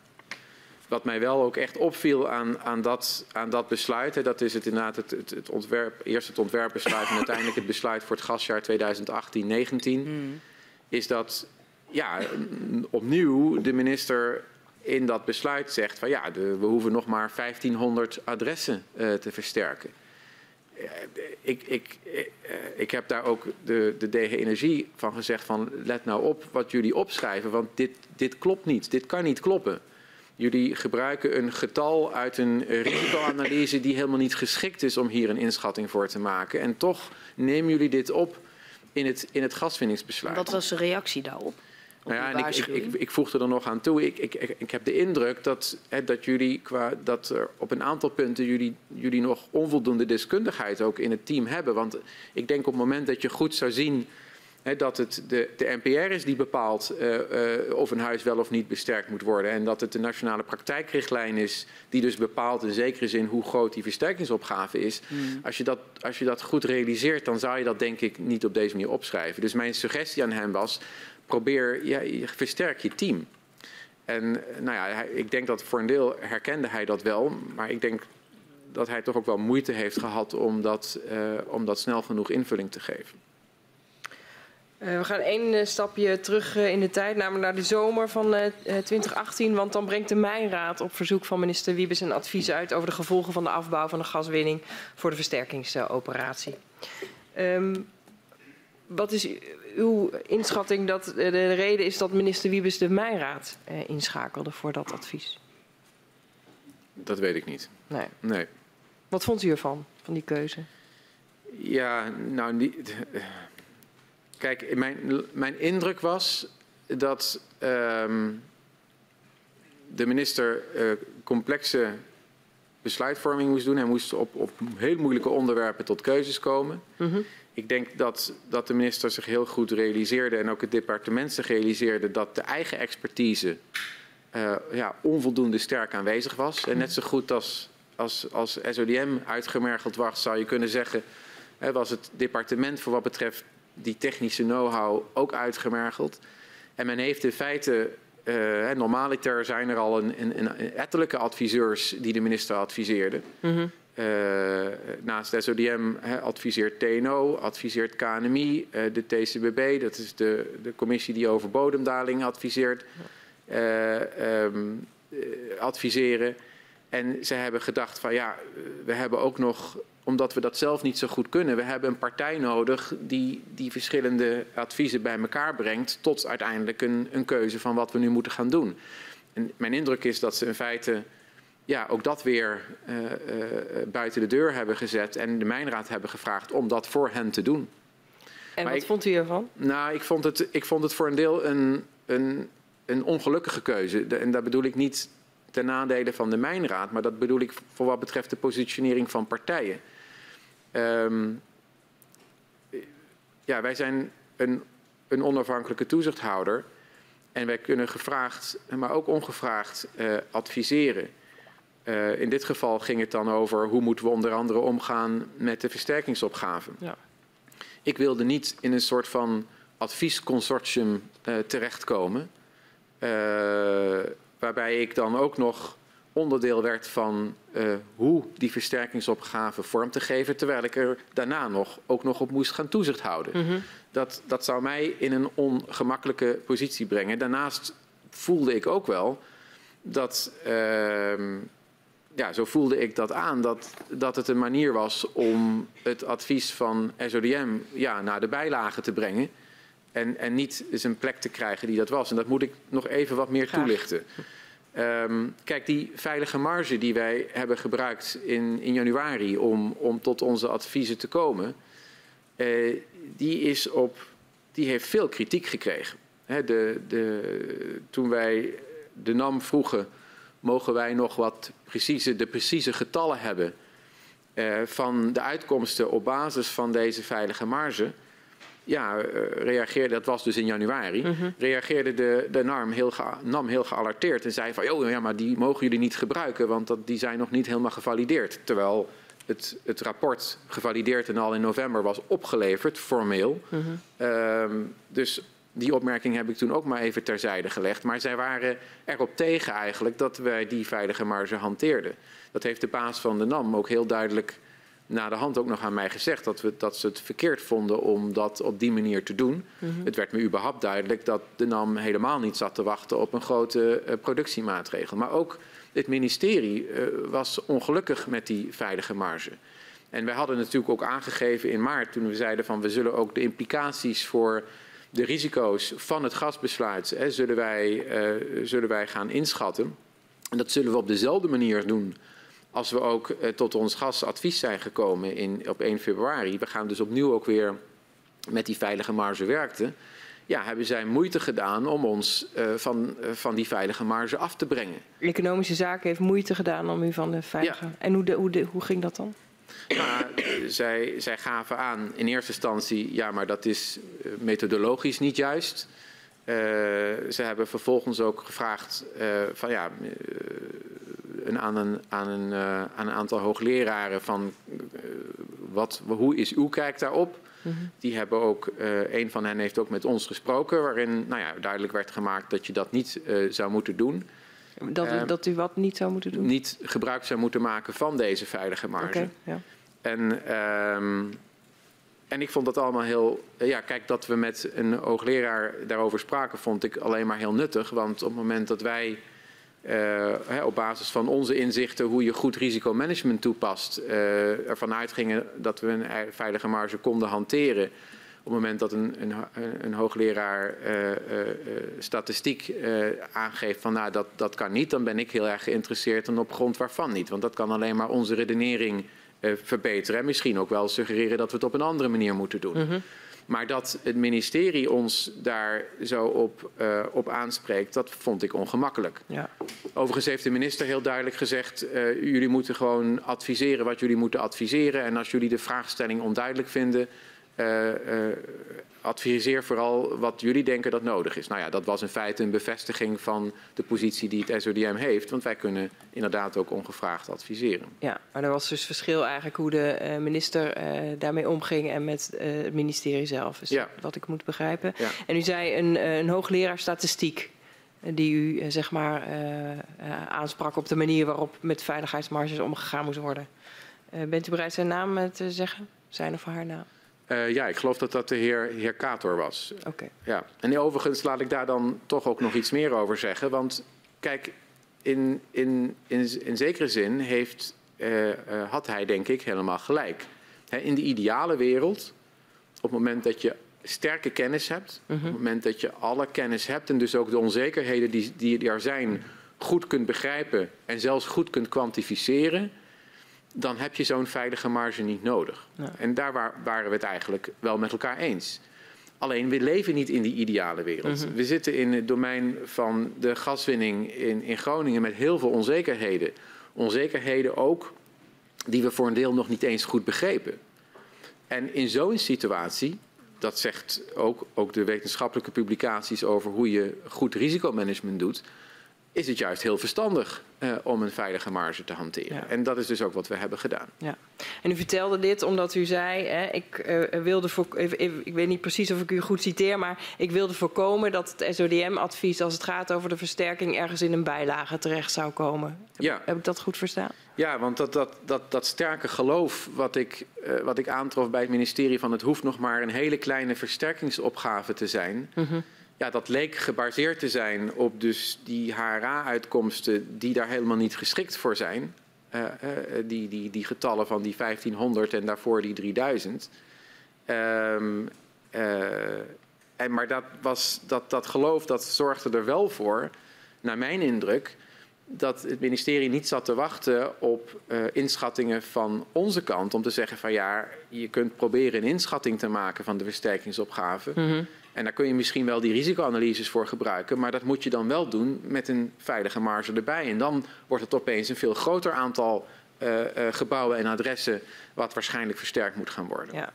Ja, want staatstoezicht uh, geeft advies over de versterking in 2018. En dan is het advies om ongeveer 7, 7200 gebouwen te versterken vanuit het oogpunt van veiligheid. Hoe kwam dat getal dan tot stand?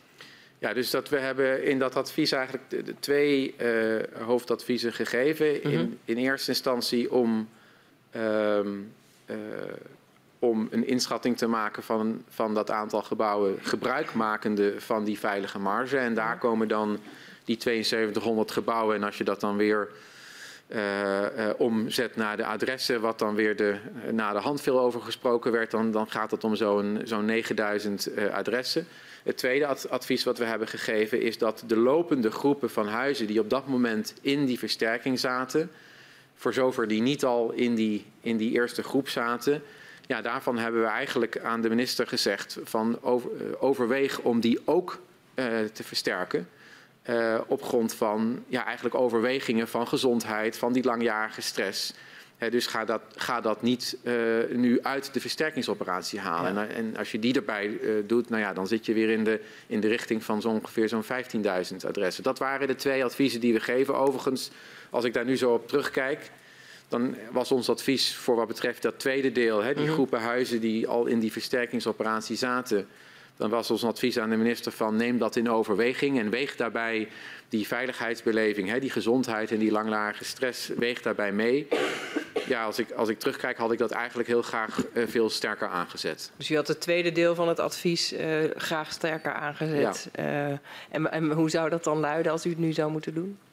dan was het niet een weeg, eh, overweeg dat en weeg daarin de, de, de, mm. uh, de veiligheidsbeleving mee, maar doe dat. Doe het gewoon. Ja. ja. Um, de huidige omvang van de versterkingsoperatie is meer dan 27.000 uh, adressen. Hoe verklaart u de, dat grote verschil tussen de getallen die we net noemden en de huidige omvang?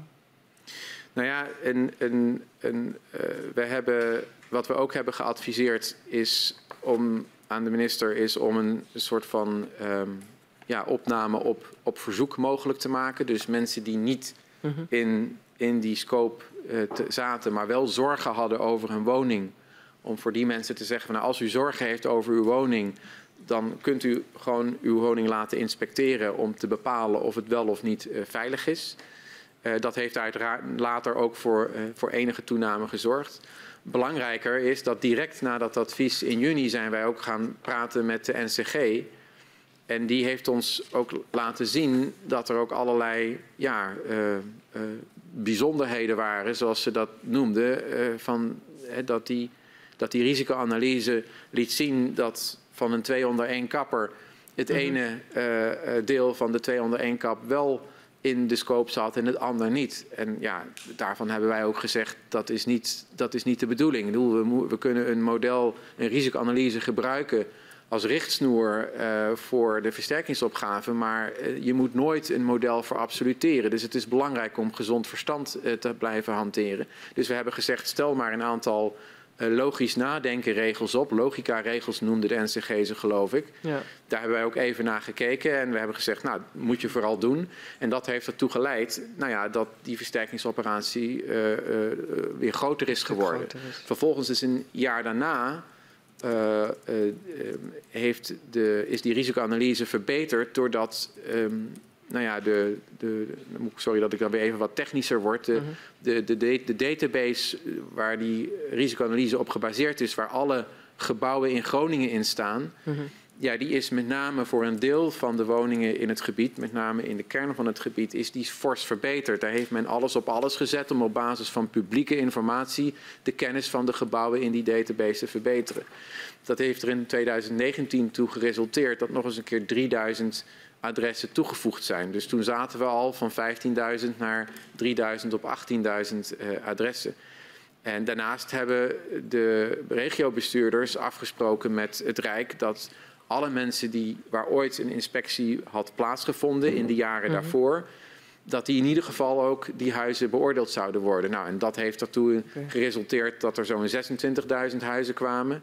Vervolgens hebben wij ook in 2018 en 2019 erop aangedrongen dat als er huizen zijn met significante schade of huizen die acuut onveilig verklaard zijn en die om wat voor reden dan ook nog niet in de versterkingsscope zitten, die meteen toegevoegd moeten worden. En dat als er schrijnende situaties zijn van mensen die gewoon uh, helemaal klem zitten, die, die radeloos zijn, die zich heel onveilig voelen in, in hun huis, maar wier huis niet in die versterkingsopgave zit, toevoegen aan de versterkingsoperatie. Nou, dat heeft ertoe geleid dat het uiteindelijk uh, nu 27.000 is. En u voelt al wel aan, ja, dat kan nog in enige mate uh, groter worden. Of schoon ik niet verwacht dat er nog belangrijke uh, toevoegingen zullen zijn. Ik wil hier graag nog één element aan toevoegen als ik mag. Um, want ik denk dat een heel belangrijk uitgangspunt in 2018 gelukkig is afgesproken. Uh, daar, hebben wij ook over geadviseerd in 2018. Van als eenmaal een gebouw toegevoegd is aan die scope van die versterkingsopgave, dan gaat die er niet meer uit. Oké. Dus, uh, want je kunt niet naar mensen zeggen van, nou ja, we hebben nu een analyse gemaakt dat het verstandig is om uw huis toch echt goed te gaan beoordelen. En dat we misschien een jaar later nieuwe inzichten hebben, dat je zegt, oh nee, we gaan het toch maar niet doen. Eenmaal in de versterkingsscope betekent het blijft erin. Naar analogie van een andere belangrijke uh, afspraak die is gemaakt, uh, waar, waar wij ook op aangedrongen hebben. Een huis dat eenmaal beoordeeld is dat het onveilig is, dat blijft op die manier beoordeeld. Je gaat niet tegen mensen zeggen van, nou ja, we hebben uw huis beoordeeld. Het, we hebben geconstateerd dat het onveilig is.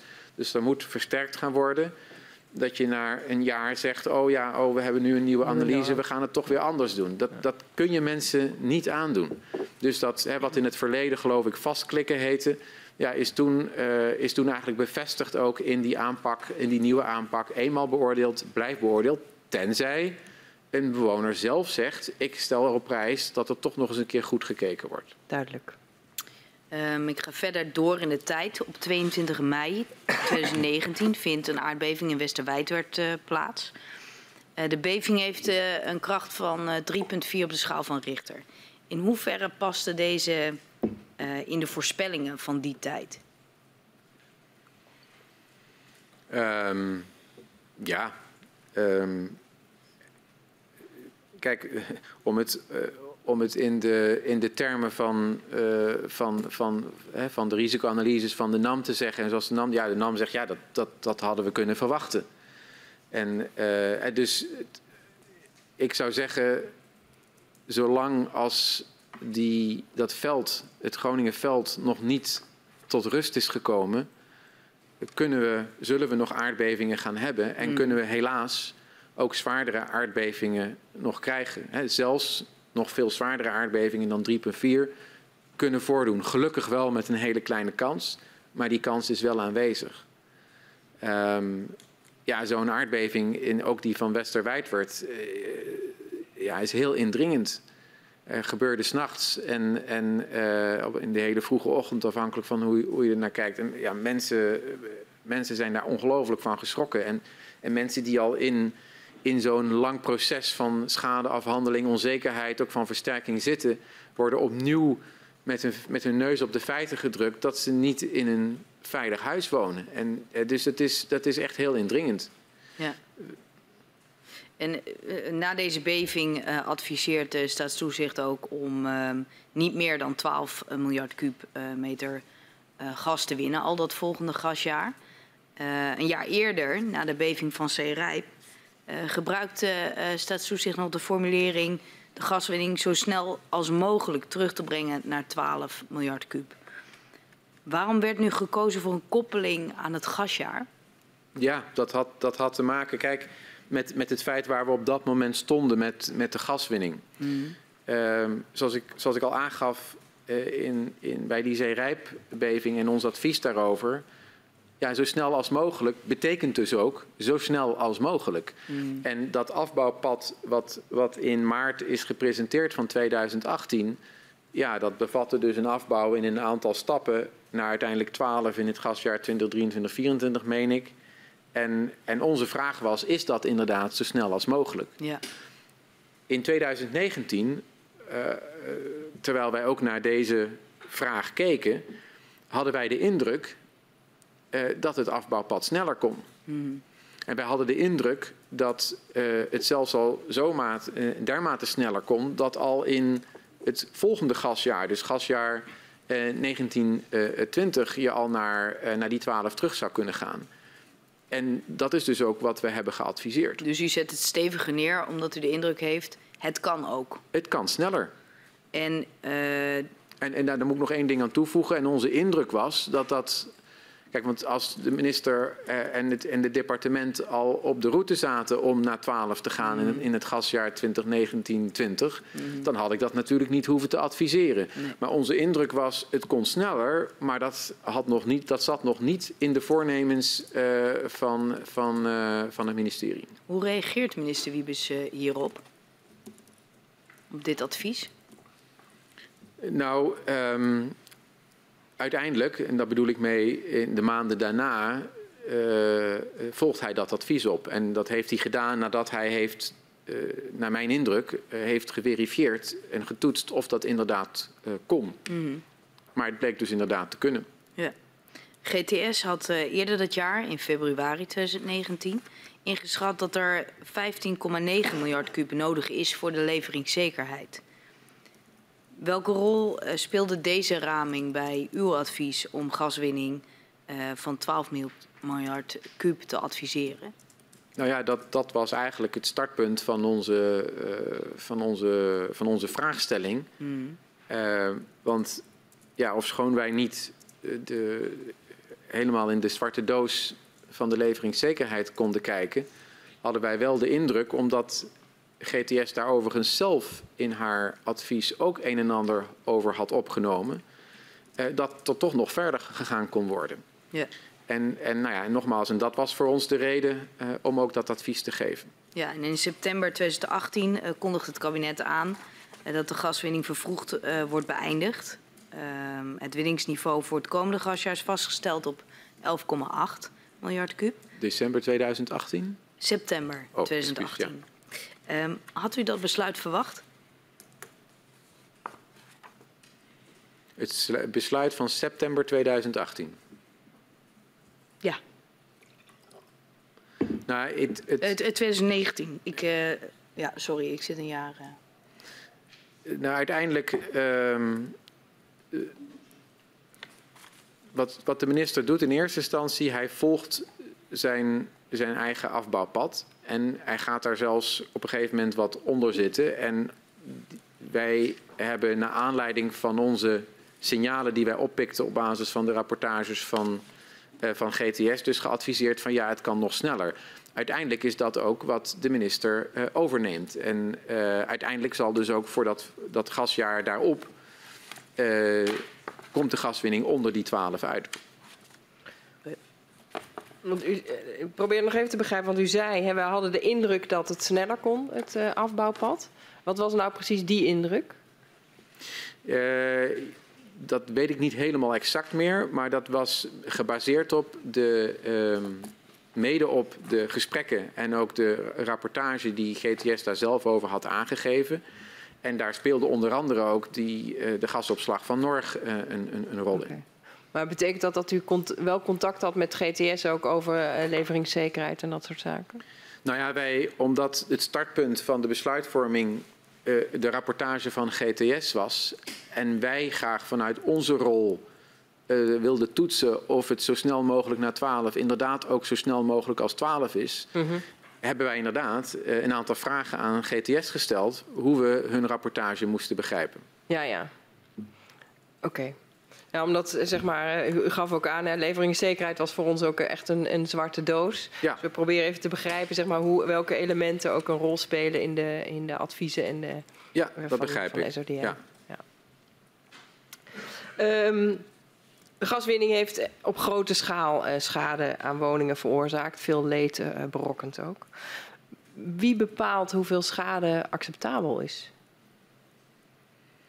Dat uh, in de huidige systematiek bepaalt het bevoegd gezag, om het zo te noemen, maar in feite dus de, de minister en nu de staatssecretaris. Mm -hmm.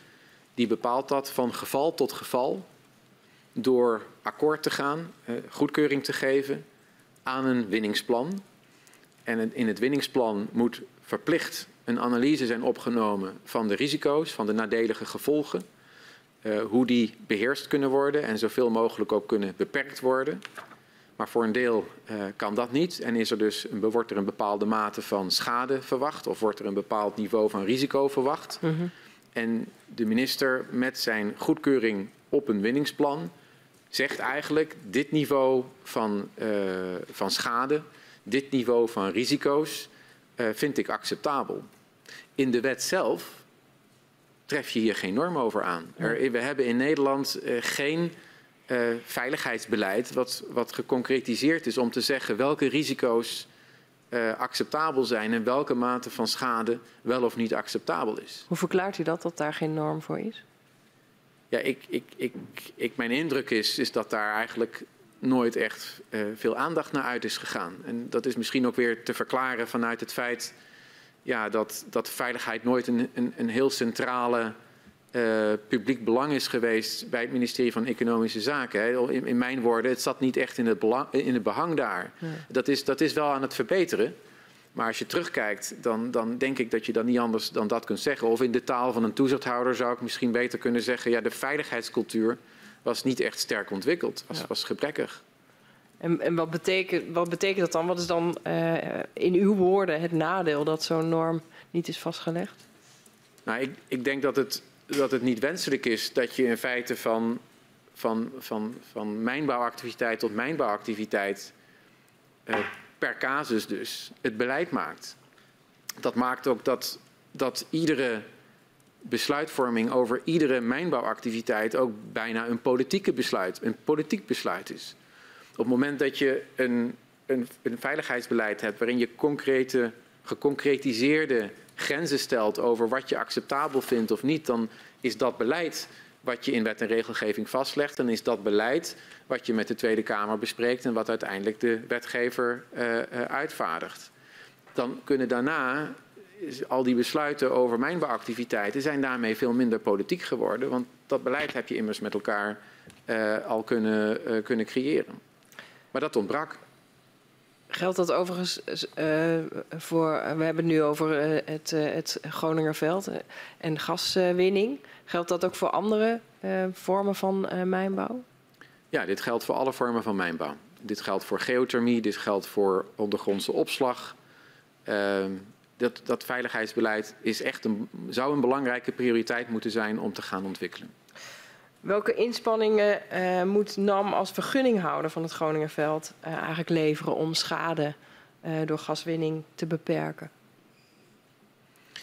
Um, nou ja, dat, dat de, de, op het moment dat de bevoegd gezag, de minister, een winningsplan van de NAM goedkeurt.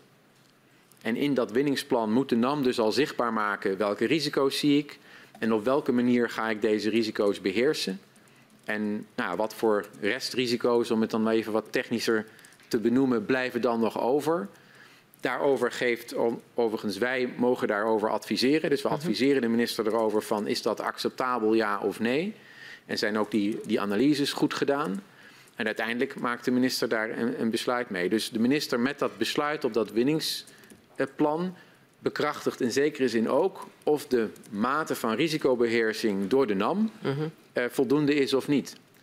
Uh, daarnaast is er nog een algemeen geformuleerde zorgplicht, uh, die heel breed is geformuleerd. Ik denk dat dat ook ook heel wenselijk is. En dat leverde ook, ja, dat kan die discussie opleveren waar we het voor een deel ook eerder over hadden. Dat de NAM misschien eh, zich op het standpunt kan stellen en dat ook heeft gedaan van ja, maar als de minister mijn winningsplan heeft goedgekeurd en de manier waarop ik de risico's beheers, dan is dat dus wat ik te doen heb en niet meer en ook niet minder. En op het moment dat er dan de toezichthouder zegt, ja, maar op grond van de zorgplicht vind ik dat je nog een aantal additionele stappen moet nemen, dan kan dat al snel tot, uh, tot discussie leiden. Ja. Nu zegt als uh, SODM kijken we ook uh, naar die plannen en, en bepalen we eigenlijk ook wat voor ons acceptabel is of niet. Op basis waarvan doet u, doet u die uitspraak of iets acceptabel of niet is, wat u dan aantreft? Nou ja, dat is dus een. een um, daar hebben wij dezelfde uh, open wetgeving als waar de minister op, op baseert. Dus wij gaan dus als het ware gaan wij uh, noodgedwongen mee om per casus uh, daar een advies over te geven. En we hebben net gezien dat in het geval van Groningen hè, in, in, januari 2018 ja, zijn we aan het zoeken naar die houvast. Nou was er voor Groningen specifiek al door de minister gezegd: ik neem het advies van de commissie Meidam over om voor de gebouwveiligheid die, uh, die 10 tot de macht min 5 mm -hmm. uh, te hanteren. Um, als een overlijdensrisicokans. Dus daar was in feite voor het eerst een soort concrete norm uh, geïntroduceerd. En dat geeft dan opeens in enige mate wat meer, wat meer houvast. Maar dat is alleen voor gebouwveiligheid. En u zei net eerder als staatstoezicht beschouwen wij uh, veiligheid ook als uh, schade en ook aan immateriële schade. Ja. Wat doet u dan nu zeg maar om inderdaad die uh, inschatting te maken of, of, of het acceptabel is of niet wat er aan schade kan worden veroorzaakt?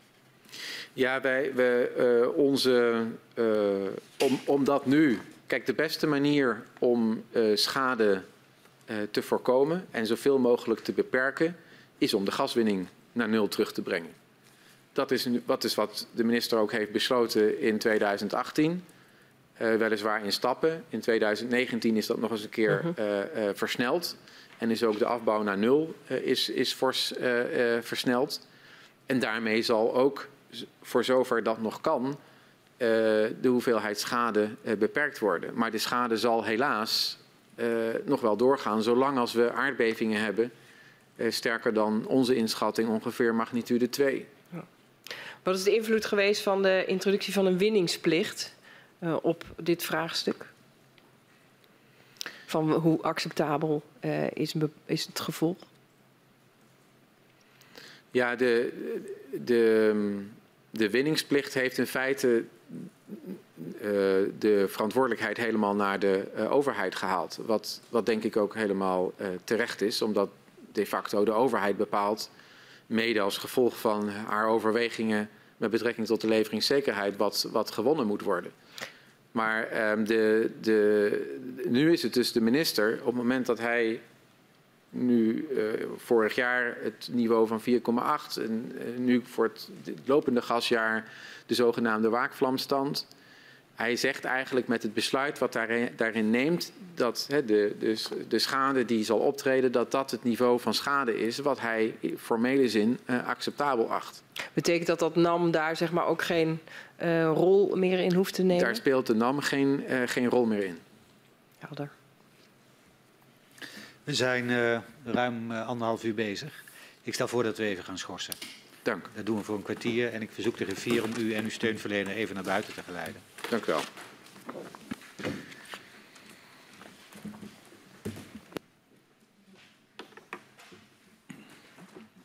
We gaan uh, schorsen tot uh, vijf voor twaalf. Ik schors de vergadering.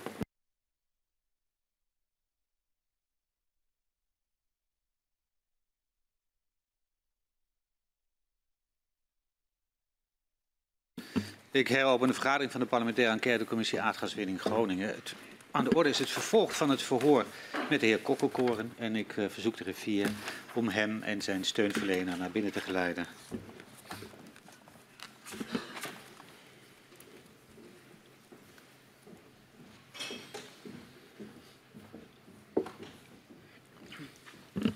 Dank u wel.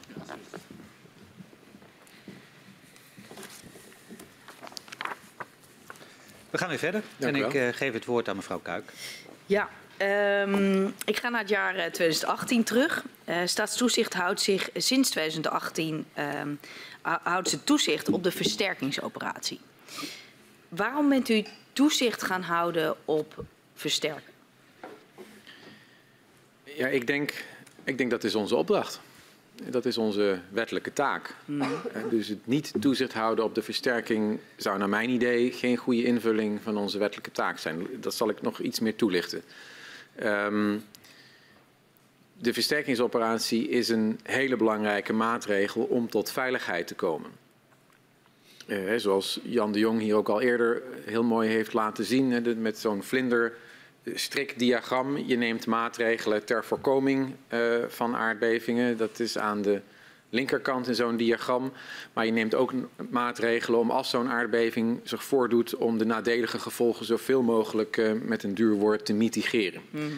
Ehm, dus is in, in iedere situatie van mijnbouw, eh, waar een oliemaatschappij probeert de risico's, waartoe ze ook wettelijk verplicht zijn, zo goed mogelijk te beheersen, heb je maatregelen links en rechts in zo'n diagram. Preventieve en mitigerende maatregelen. Daar houden wij altijd toezicht op.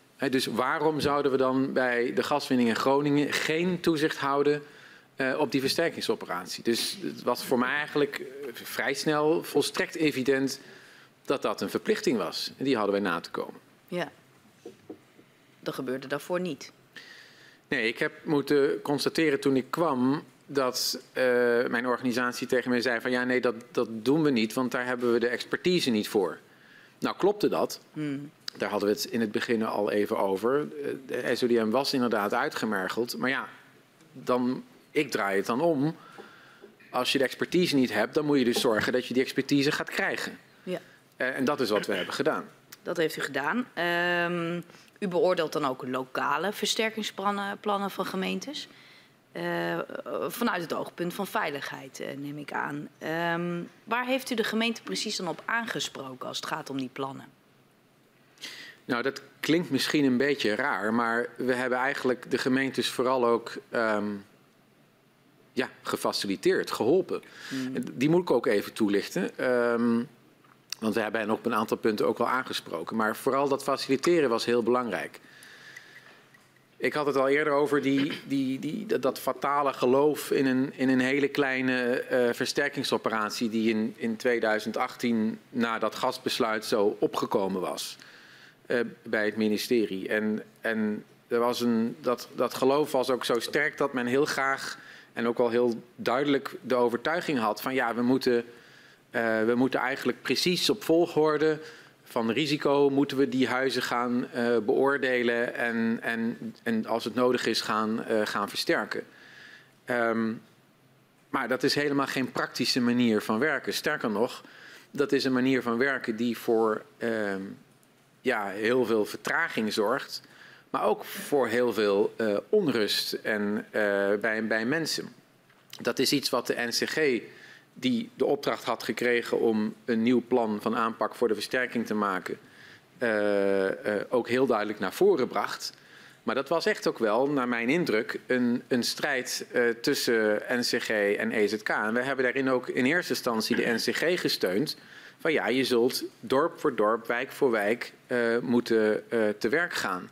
En we hebben, ik heb zelf ook in september van 2018 aan de minister gezegd: het is veel beter dat we in zes jaar ongeveer goed eh, prioriterend deze versterkingsoperatie gerealiseerd krijgen, dan dat we precies huis voor huis op volgorde gaan leggen, gespikkeld door het hele gebied heen die versterking gaan aanpakken, maar dan waarschijnlijk twintig jaar gaat duren.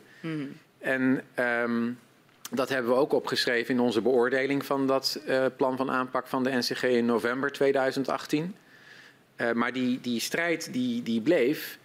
En de eh, gemeentes hebben vervolgens dat bredere plan dat de NCG had gemaakt, zijn ze gaan vertalen naar lokale plannen per gemeente. En wij hebben ook tegen de gemeentes gezegd, die vroegen daar ook om, van ja, wij willen wijk voor wijk, dorp voor dorp aan de slag gaan. En daarvan hebben we gezegd, dat is wat ons betreft oké. Ja. Uh, maar wat de aandachtspunt wat daarbij wel hadden, is dat ga dan wel de wijken en de dorpen waar relatief meer uh, risicovolle huizen zitten, doe die dan wel eerder dan de wijken en dorpen waar er minder uh, van uh, meer risicovolle huizen in zitten. Dus op die volgorde hebben we gelegd. Maar in feite. Was dat ook nodig, dat advies? Uh, of lag er iets waarbij de wijken met de meeste risico's niet als eerste kwamen? Of is dit een advies vooraf aan gemeenten? Nee, het is iets wat wij in reactie op. Uh, we hebben wel. Hè, ik heb met, ben met alle burgemeesters gaan praten in, uh, in, in december. Toen zij uh, begonnen en, en januari deels ook nog met die plannen te ontwikkelen. Mm -hmm. dus, maar we hebben vooral in reactie op hun conceptplannen. Okay. en in gesprek hebben we dit ook naar, naar voren gebracht.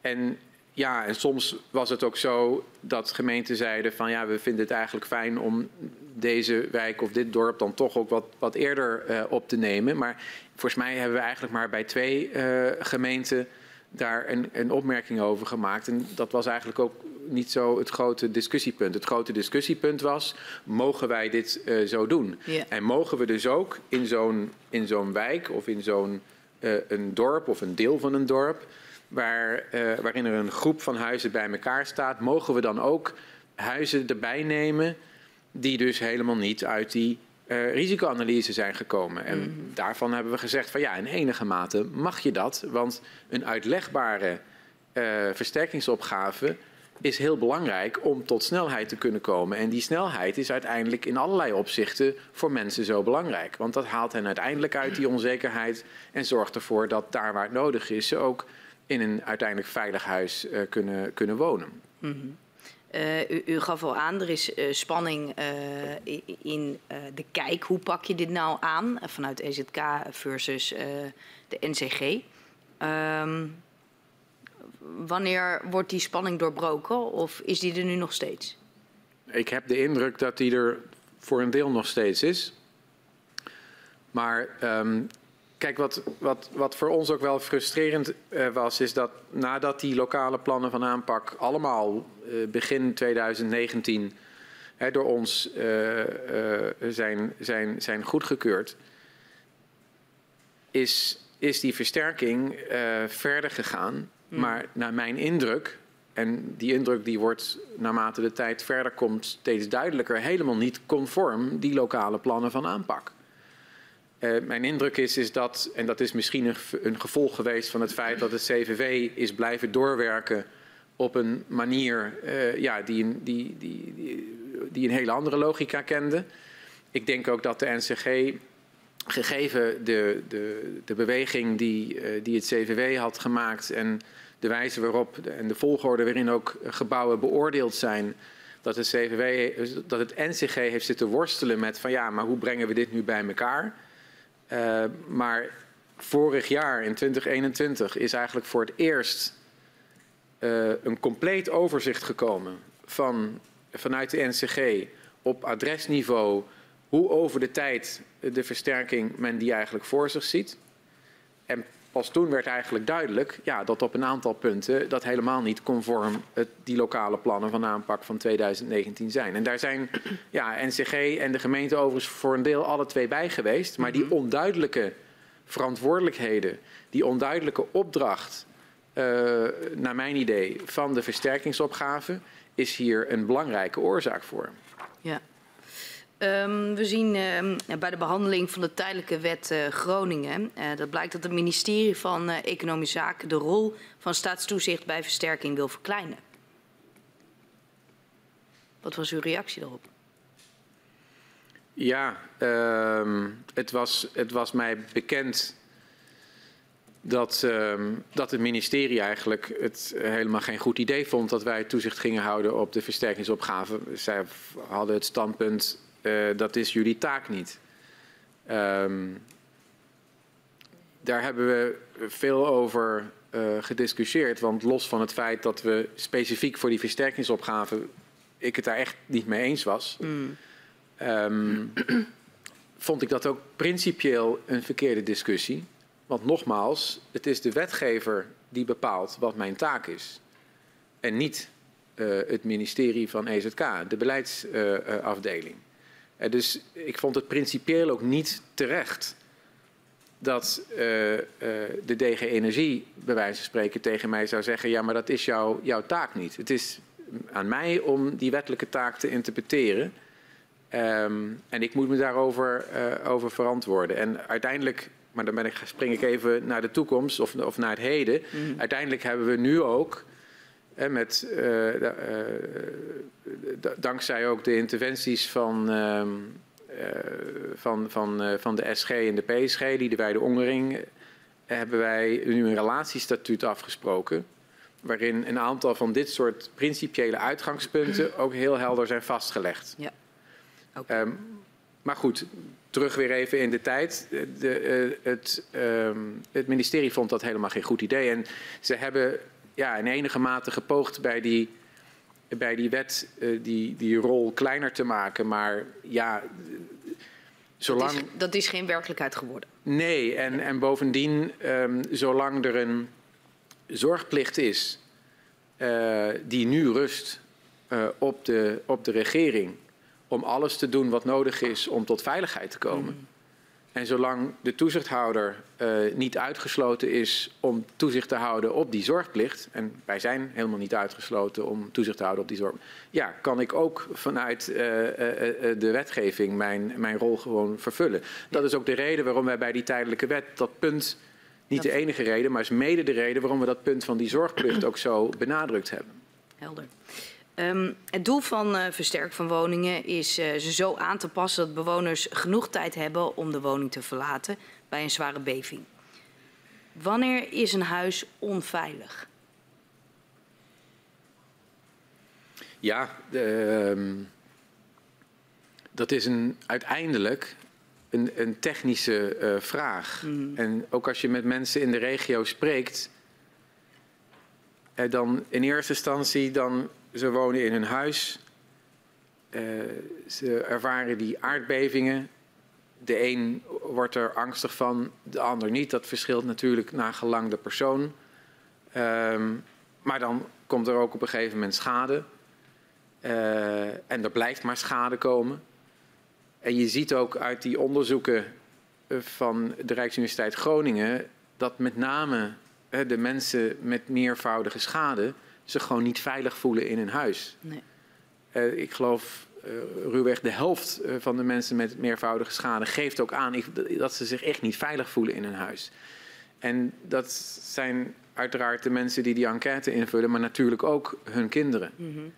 En die zich ook afvragen van ja, maar als er een aardbeving is, van welk, welk van mijn kind moet ik dan als eerste mee naar buiten nemen? Ja, dus die, die angst is voor veel mensen echt, echt reëel. En dan komt er op een gegeven moment een, een, een inspectie. Ja. Uh, daar worden nog geen conclusies uitgetrokken, maar ja, dan gaat iemand door je huis heen. Dan gebeurt er ook echt wel het nodige. Je huis wordt als het ware toch wel overhoop gehaald. Er worden ook, voor een deel is het ja, om het weer met een duur woord te zeggen, invasief. Hè. Dingen moeten worden beschadigd, bij wijze van spreken, om bepaalde constructie-elementen goed te kunnen zien. Ja. Um, dat, dan denkt een bewoner van, ja, nou, hier gaat nu wat komen. En waarschijnlijk eh, heb ik dan toch gelijk inderdaad dat mijn woning niet, uh, niet veilig is. En dan na verloop van tijd, dat kan voor sommige mensen letterlijk jaren zijn, voordat ze dan de beoordeling krijgen. Waarin het huis is beoordeeld op, op, steef, op sterkte. En dan, ja, dan is er gekeken naar hoe groot zijn de raamopeningen? Uh, uh, hoe zit het met de dragende muren? Is er een verbinding tussen de muur en het, en het plafond? Is er een dakkapel op? is er verbouwd binnen en is er misschien iets met de draagmuurconstructie veranderd? Allemaal zaken die heel technisch zijn, ja. maar uiteindelijk wel bepalend en soms zelfs doorslaggevend voor of een huis wel of niet veilig is. Ja. En ik merk ook wel dat ja, mensen die zijn ook heel, die zijn echt bezig daarmee. Hè? Dus op het moment dat ze dit soort technische rapporten krijgen, ja, die proberen ze helemaal te begrijpen. Die ja. gaan ze helemaal van A tot Z door. Dit is ook een van de redenen uh, waarom, waarom dit geheel ook zo het leven van zoveel mensen domineert letterlijk. Die hun weekenden moeten besteden om om dit soort rapporten, of het nou schade of versterking is, te doorgronden. Mm -hmm. En als het om schade gaat, uh, weer in bezwaar te gaan als de conclusie in hun ogen verkeerd uitvalt. Maar goed, mensen verdiepen zich erin. En, en en uiteindelijk houden ze, hebben ze wel, eh, ontlenen zij houvast aan het feit dat die doorrekening is gemaakt, Mhm. dat er maatregelen, technische maatregelen voor zo'n woning worden voorgesteld. En op het moment dat die uiteindelijk zijn doorgevoerd en het huis is versterkt, en mensen zijn tijdelijk uit hun huis gegaan, hebben elders moeten wonen en ze komen weer terug in hun eigen woning. Ja, dan, ik heb ook met mensen gesproken die zeggen van ja, ik, ik, voel, me nu wel, ik voel me nu wel veilig. Eh, en, ehm, maar ja, dat kan soms een, een lange, lange lijdensweg zijn. Ja.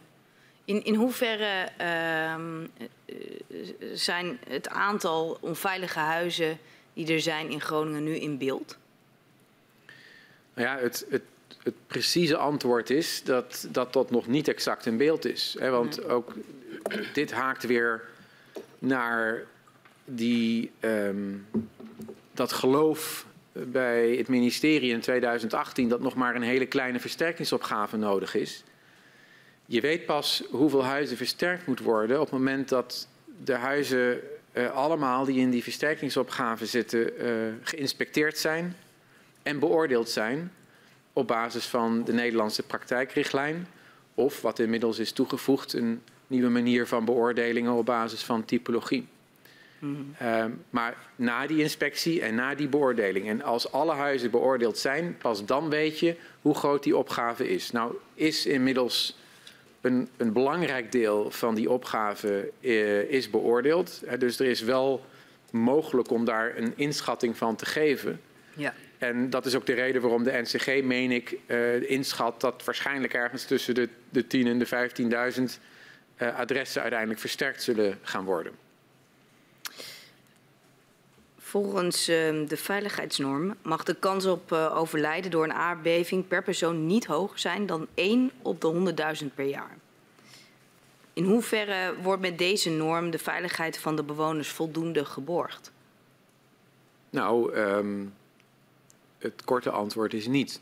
Nee. Uh, maar die moet ik wel ook even toelichten. Hè? Want ik wil niet de suggestie wekken dat als die norm na versterking van een huis, een huis zeg maar, voldoende stevig is, zodat de kans dat een huis uh, instort of -hmm. deels instort ten gevolge van een aardbeving, dat, dan, dat dat niet op orde zou zijn, want dat is dan op orde. Mensen ja. mogen daar echt die zekerheid aan ontlenen. Ja. Maar veiligheid is meer dan alleen die veiligheid van dat huis. De veiligheid is inmiddels helaas ook uh, het feit dat die langjarige stress tot gezondheidsschade en ook tot gezondheidsrisico's leidt. Het, het Gronings perspectief, uh, daar heeft u Tom Posmes ook over horen spreken, maakt, heeft de inschatting gemaakt. En hier, uh, ze hebben, ik geloof ook in 2018, die inschatting gepubliceerd. Uh, als ze er heel, heel voorzichtige inschatting maken, dat die die langjarige stress en die gezondheidsschade ook voor hogere gezondheidsrisico's leidt. En dat vijf mensen per jaar vervroegd komen te overlijden als gevolg daarvan. dus er is voor veiligheid meer aan de hand dan alleen die technische doorrekening van dat huis en zorgen dat, dat, dat het huis op orde is. Dat moet natuurlijk gebeuren, dat is heel belangrijk. Maar het is ook belangrijk dat die gezondheid verbetert en dat we proberen die onzekerheid en dat lange, lange wachten, uh, wat uiteindelijk de drijvende factor is, mede de drijvende factor is voor, uh, voor deze schade en ook voor deze risico's, dat we die aanpakken. Ja, dus een, uh, veel complexer dan alleen die technische veiligheid, ja. um, wat u zegt. Um, in hoeverre weten bewoners van um, het gaswinningsgebied wat deze norm nou in de praktijk voor consequenties heeft voor hun veiligheid. Wat is uw indruk daarbij? Nou ja, als we, als we beginnen met, met het huis, dan, um, dan denk ik niet. Kijk, dan, ik sprak al eerder over dat, dat een deel van de mensen zich echt ook wel onzeker en, en ook angstig voelt in hun, in hun woning. Um, Uh, andere mensen hebben daar minder last van. Maar de vraag die bij mensen ook opkomt, is van ja, maar wat, wat betekent dat met mijn thuis als mm -hmm. straks mijn woning is verstevigd? Mm -hmm. uh, kijk, op het moment dat je te horen krijgt, Je, je woont ergens in een wijk of in een, in een rijtje en, en dat wordt eigenlijk gesloopt en herbouwd. Nou ja, dat is, dat is heel indringend, want, want jouw muren, jouw woning is er dan straks niet meer. En je krijgt er wel iets anders voor terug. Maar wat soms nog wel eens wordt gedacht van, oh, maar dat is toch fantastisch om een, om een nieuwe woning te krijgen. Ja, daar zitten mooie elementen aan vast, maar niet iedereen zit daarop te wachten. Echt niet. En op het moment dat je in een, um, in een, in een uh, karakteristiek pand woont, uh, ja, dan zijn er soms maatregelen nodig. En dat blijkt dan pas later. Die maatregelen zodanig zijn dat jouw woning helemaal niet meer die karakteristieke woning is in, in Loppersum of, of waar dan ook in het gebied. Dus soms hikken mensen ook erg aan tegen, oh, moet dat? En heb ik dan nog eigenlijk wel mijn huis? Wil ik dan eigenlijk nog wel hier wonen? Dus ook gewoon niet altijd het overzicht uh, wat dat nou in de praktijk voor consequenties heeft. Nee. Brengt ook een bepaalde mate van onzekerheid en dus ook weer stress met zich mee. Ja, en, en die dilemma's is ook heel erg lastig. Want zeker die mensen die, waar, ik, waar ik net over sprak, hè, die toch ook aanhikken tegen zo'n versterking, die, die voelen zich innerlijk ook van ja, aan de ene kant voel je die zorg en, en misschien ook wel die angst van, van de gevolgen van zo'n beving. En aan de andere kant wil je niet van je, van je eh, wil je niet dat jouw huis wat wordt aangedaan, zeg maar. Mm -hmm. En, en ja, dat, dat, dat kunnen ze heel moeilijk bij elkaar brengen. En ik wil graag hier nog één element aan toevoegen. Um, ik, heb, ik heb best wel met veel uh, mensen uh, uh, mogen spreken in het, in het gebied. Maar ik denk dat de eerlijkheid gebied te zeggen dat dat toch ook vaak de mensen zijn die het verhaal kunnen vertellen. Ja. En die, zich, um, ja, die ook goed onder woorden kunnen brengen wat er gaande is en wat dat met hen doet. Maar er zijn ook heel veel mensen die dat niet zo goed kunnen. En voor die zijn sommige van deze afwegingen en dilemma's waar ze mee worstelen nog veel lastiger. Ja. Dus het is ook echt heel belangrijk dat in die versterkingsopgave mensen goed ondersteund worden. Ze moeten soms keuzes maken die gewoon ja, bijna niet te maken zijn. Nee, die lastig te overzien zijn, ja. uh, ook voor uh, leken. Um, mevrouw Muntendam-Bos gaf tijdens haar verhoor aan dat staatstoezicht zich grote zorgen maakt, uh, omdat de norm van een, een, factor 10 lager is dan bij industriële activiteiten, de veiligheidsnorm. Waarom maakt u zich zorgen? Ja, de, die die commissie Meidam die heeft geadviseerd over die veiligheidsnorm. Die heeft ervoor gekozen om aan te, sloten, aan te sluiten bij de norm voor, uh, voor natuurrampen. Mm -hmm. En ja, je kunt, je kunt heel wel betogen, uh, dat is het hier niet. Want nee. deze, die aardbevingen zijn het gevolg van de gaswinning. Het is ook weer zo dat hè, de gaswinning in het hele gebied ook weer niet helemaal vergelijkbaar is met een Camelot of een Pernis. Maar de vraag van uh, waarom is er gekozen voor die team in 5 en niet voor de team in 6, die inderdaad voor de industrie uh, gebruikelijk is, is een begrijpelijke uh, vraag. Die heeft ook heel nadrukkelijk op tafel gelegen toen de commissie Meidarm haar advies uitbracht. daar is ook over gesproken, vrij uitgebreid, ook in, in de Tweede Kamer. En ja, het is de norm die inmiddels ook is vastgelegd uh, um, en waar we het nu uh, mee doen. Is het dan een begrijpelijke vraag of is het een terecht punt van zorg?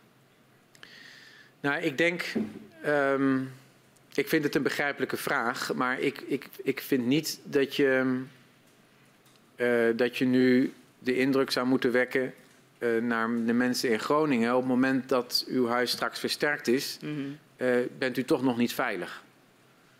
Uh, die nationale praktijkrichtlijn hmm. en ook de typologieaanpak die wordt gebruikt, uh, is een methode die er ook in voorziet dat um, ja, die hele zware aardbevingen, die voor een deel ook als maatgevend in die methodiek zijn ingebouwd, dat het huis dat soort aardbevingen kunnen weerstaan. Ja. En um, ik denk dat mensen daar echt ook wel de conclusie en de stevigheid uit mogen verlenen. Wij zijn, wij zijn veilig als, men, als het huis versterkt is. Helder. In ons eigen huis. Helder. Um, vindt u, uh, nog een vraag over verschillende normen. Vindt u dat er een verschil in norm zou moeten zijn voor activiteiten in de ondiepe ondergrond tot 3 kilometer en de diepe ondergrond, dieper dan 5 kilometer? Ja, ik, ik, ik zelf heb de neiging om dat een beetje een artificieel onderscheid te vinden. Ik zou dat. Uh, nee. nee. U zei net, uh, de versterking loopt eigenlijk niet zoals de uh, lokale versterkingsplannen zijn opgesteld. Wat is de reden dat dat niet zo loopt? Of u, u, zei, mijn indruk is dat. ja. Wat is de reden daarvoor? Um, nou ja, ik denk, ik denk dat, dat om te beginnen de, de, er is die strijd geweest in 2018, hè, waarin het ministerie heel graag wil dat er een dat er zo'n minutieus op volgorde risicogestuurde aanpak uh, komt. En de NCG die zegt nee, je moet eigenlijk dit in wijk voor wijk, mm -hmm. dorp voor dorp, moet je dit aanpakken. Um, waarbij wij hebben aangegeven op te letten dat dan ja. de wijken waar veel risicovolle huizen zijn, dat die dan wel Precies. meer vooraan staan en niet achteraan. Um, maar ik heb de idee dat terwijl die strijd zich uh, woedde, en, eh, en ondanks het feit dat die plannen van aanpak te lagen. En ondanks het feit dat iedereen zei, en we gaan nu conform de plannen van aanpak aan de slag. Wat ook in de bestuursakkoorden bevestigd is. We gaan conform die plannen van aanpak gaan we aan de slag. Dat uh, in die periode, dus in 2019, het eh, ja, zogenaamde werkorders heeft uitgezet. Uh, niet conform de logica van die lokale plannen. Maar op basis van, we gaan eerst allemaal werkorders uitzetten voor de meest risicovolle woningen. En daarna die van de iets minder risicovolle woningen. En, en daarna uh, de overige. En dat heeft denk ik ook de NCG erg doorkruist om, om netjes conform die lokale plannen van aanpak te werken. Daar kwam dan nog eens een keer bij dat de, de snelheid van die versterking uh, volstrekt onvoldoende was. Mm -hmm. En dus ik heb het idee dat de NCG enorm met die complexiteit aan het worstelen is.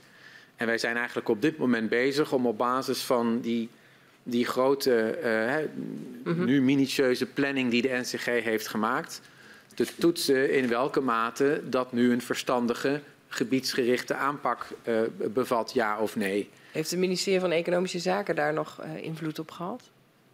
Op wat u nu beschrijft? Mijn, mijn vermoeden is van wel, maar dat, dat heb ik niet nee. precies uh, kunnen, zo kunnen vaststellen. Nee. Ik weet in elk geval wel dat het ministerie het heel belangrijk vond. Eh, want dat he, heeft men ook mm -hmm. ons laten weten. Dat er eerst werkorders voor die meest risicovolle woningen. Om nog even wat jar, technisch jargon erin te gooien. De P50's mm -hmm. uh, werden uitgezet. En, en daarna pas uh, de P90's.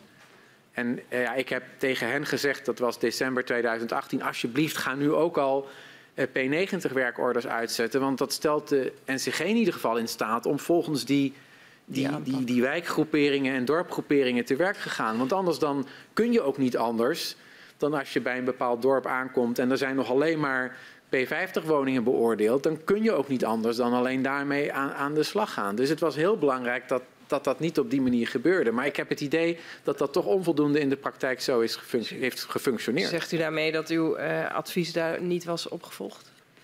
Uh, onvoldoende. Ja.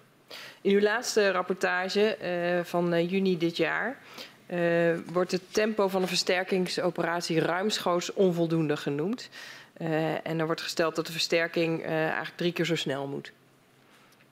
Hoe verklaart u het, het langzame verloop van de versterkingsoperatie? Ja, uh, ik denk om te beginnen, en dan kom ik toch terug op, mhm. op, op, op het punt wat ik, wat ik eerder uh, aangaf, is dat um, ja, de, er zit niet een hele sterke urgentie in, dat, in, in die gehele uh, versterkingsaanpak. Um, ik hoorde ook uh, de NCG, de heer, heer Spijkerman, uh, verzuchten dat er toch ook, ook allerlei doelstellingen waren.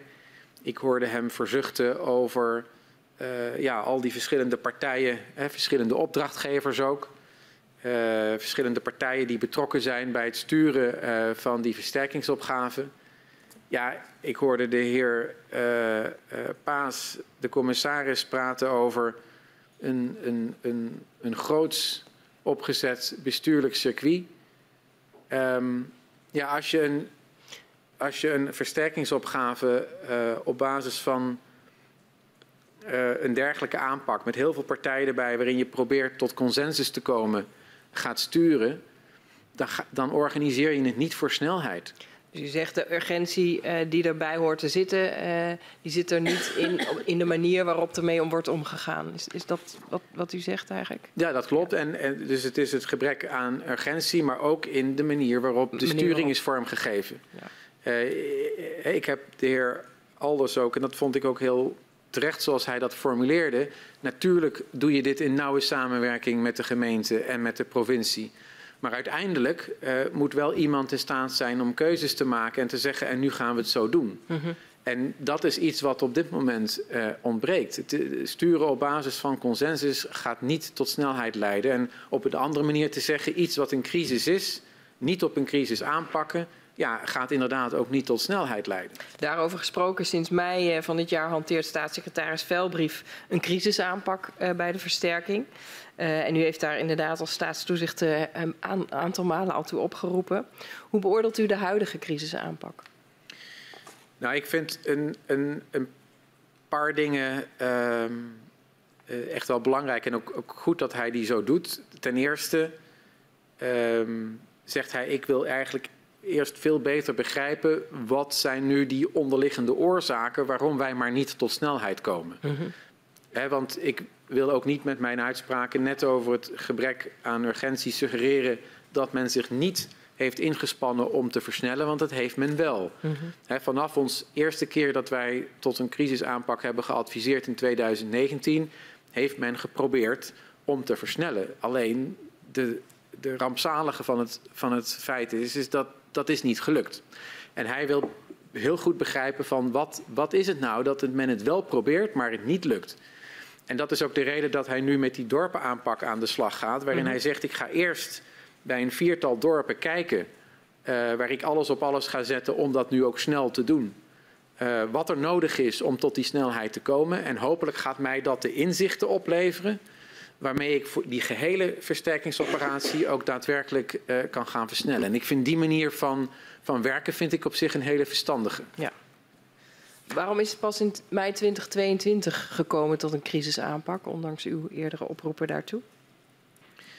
Uh, ja, zoals, uh, uh, zoals minister Ollongren het destijds aan mij vertelde, we gaan geen crisisaanpak vormgeven om, omdat we er niet voor kiezen. Okay. Dat was eigenlijk haar tekst. En, en zij gaf ook aan, wij denken dat het niet nodig is. He, wij geloven dat we ook zonder een crisisaanpak tot voldoende snelheid uh, zouden komen. Nou, ik, ik, ik, ik, ik had heel graag gewild uh, dat, dat zij gelijk had. Uh, maar de, de, de, de praktijk heeft uitgewezen dat dat niet is gelukt. Ja. Dus u zegt de minister koos daar niet voor. Um, wat was de rol van gemeentes en de nationaal coördinator in, in het niet opvolgen van uw advies? Nou ja, ik denk dat we ook. Ik weet niet, ik ken niet het standpunt van iedere gemeente specifiek op dit punt, maar ik weet. Eh, we, nou, we hebben het de commissaris hier ook horen zeggen. Uh, de, re, de, regio uh, vond een crisisaanpak niet nodig. Hoe verhoudt zich de crisisaanpak tot de menselijke maat en tot maatwerk? Begrippen die ook veel bij de versterking worden genoemd? Ik denk dat dat uitstekend samengaat. Wilt u dat nog uh, iets verder toelichten? Ja. Kijk, uh, een crisisaanpak betekent niet dat je als een wals over mensen heen gaat rollen om maar die huizen versterkt te krijgen. Een crisisaanpak betekent dat je als een wals over onnodig langdurend overleg heen gaat, gaat walsen. En dat je regels en procedures die in de weg staan om tot snelheid te komen, dat je die platwalst. He, zoals een van de uh, burgemeesters het wel eens tegen mij zei. Ja, het, het, lijkt wel alsof de regels en de procedures hier heer en, meester zijn en de resultaten uh, de dienaar. Dat moet omgekeerd worden. En een crisisaanpak kan dat mogelijk maken, want soms zul je dus ook met, met crisismaatregelen moeten nemen om de juiste stappen te kunnen zetten. Maar die, een crisisaanpak kan juist heel erg, om het nu even in de woorden van de staatssecretaris te zeggen, als je dorp voor dorp, wijk voor wijk aan de slag gaat, je gaat beginnen om met mensen te praten. Je gaat ook beginnen om aan hen te vragen: wat is het dat u verwacht? Wat is het dat u wil? Je gaat ze ook helpen om die lastige keuzes te maken die soms op tafel liggen, waar we net al even over spraken. Met andere woorden, je probeert een beeld te krijgen in zo'n wijk of in zo'n dorp wat er nodig is om tot veiligheid te komen in de brede zin uh, van het woord. Ja. En uh, vervolgens heb je daar een beeld van. Ja, en dan is het wel zaak dat je kunt doorpakken. En dat je niet wordt afgeleid door mensen die op het moment dat de aannemer een bestek maakt, nog eens een keer met een rood potloodje langs het bestek gaat lopen om te zien of er niet dingen in zitten die strikt genomen voor de veiligheid niet nodig is. Dat is wel wat er gebeurt. Mm -hmm. Helder. Ira Helsloot, hoogleraar besturen van veiligheid aan de Radboud Universiteit eh, in Nijmegen, heeft na de aardbeving in Huizingen gewaarschuwd voor de risicoregelreflex. En hij doelt daarmee op de reflex van overheden om na een incident maatregelen te nemen die meer kosten dan ze opleveren. Hoe, ziet u, hoe ziet u dit? Niet. Niet? Niet op dit uh, dossier? Nee. nee. Uh, de directeur van de NAM, uh, meneer Atema, verklaarde in zijn verhoor dat grootschalige versterking vanuit het veiligheidsoogpunt van Groningen niet meer nodig is. Wat vindt u daarvan? Ja, Sorry dat ik, ik even diep moet zuchten, maar ik vind dit, ik vind dit echt heel, heel teleurstellend. Uh, en eerlijk gezegd uh, vind ik het ook wel, een, wel beschamend dat we, dat we nu, ook nu hier weer in deze verhoren, over de ruggen van mensen in Groningen heen, een, een, naar mijn idee verkeerde discussie gaan voeren over, over de veiligheid in de, in de regio.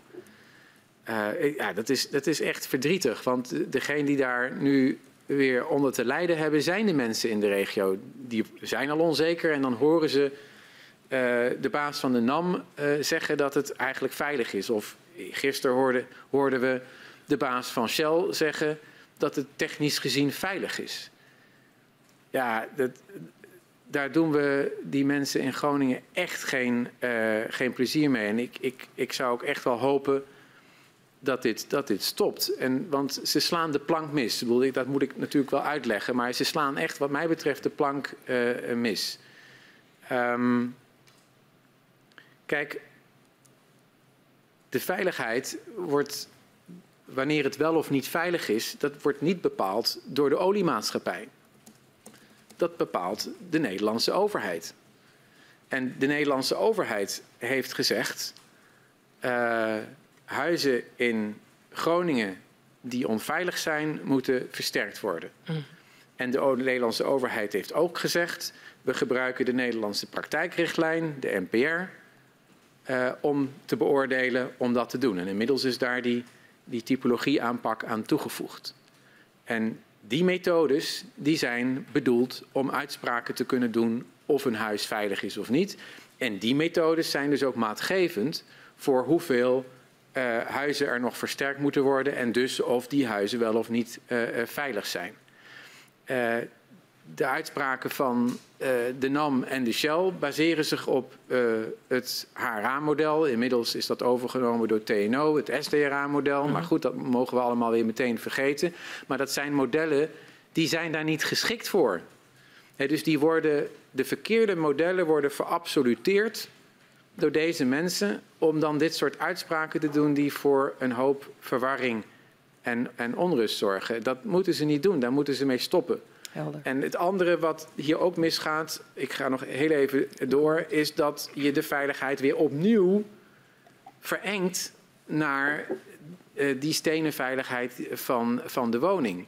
Terwijl het toch voor iedereen inmiddels, denk ik, heel duidelijk mag zijn dat veiligheid, de veiligheid in Groningen breder is dan alleen die veiligheid van die woningen. Helder.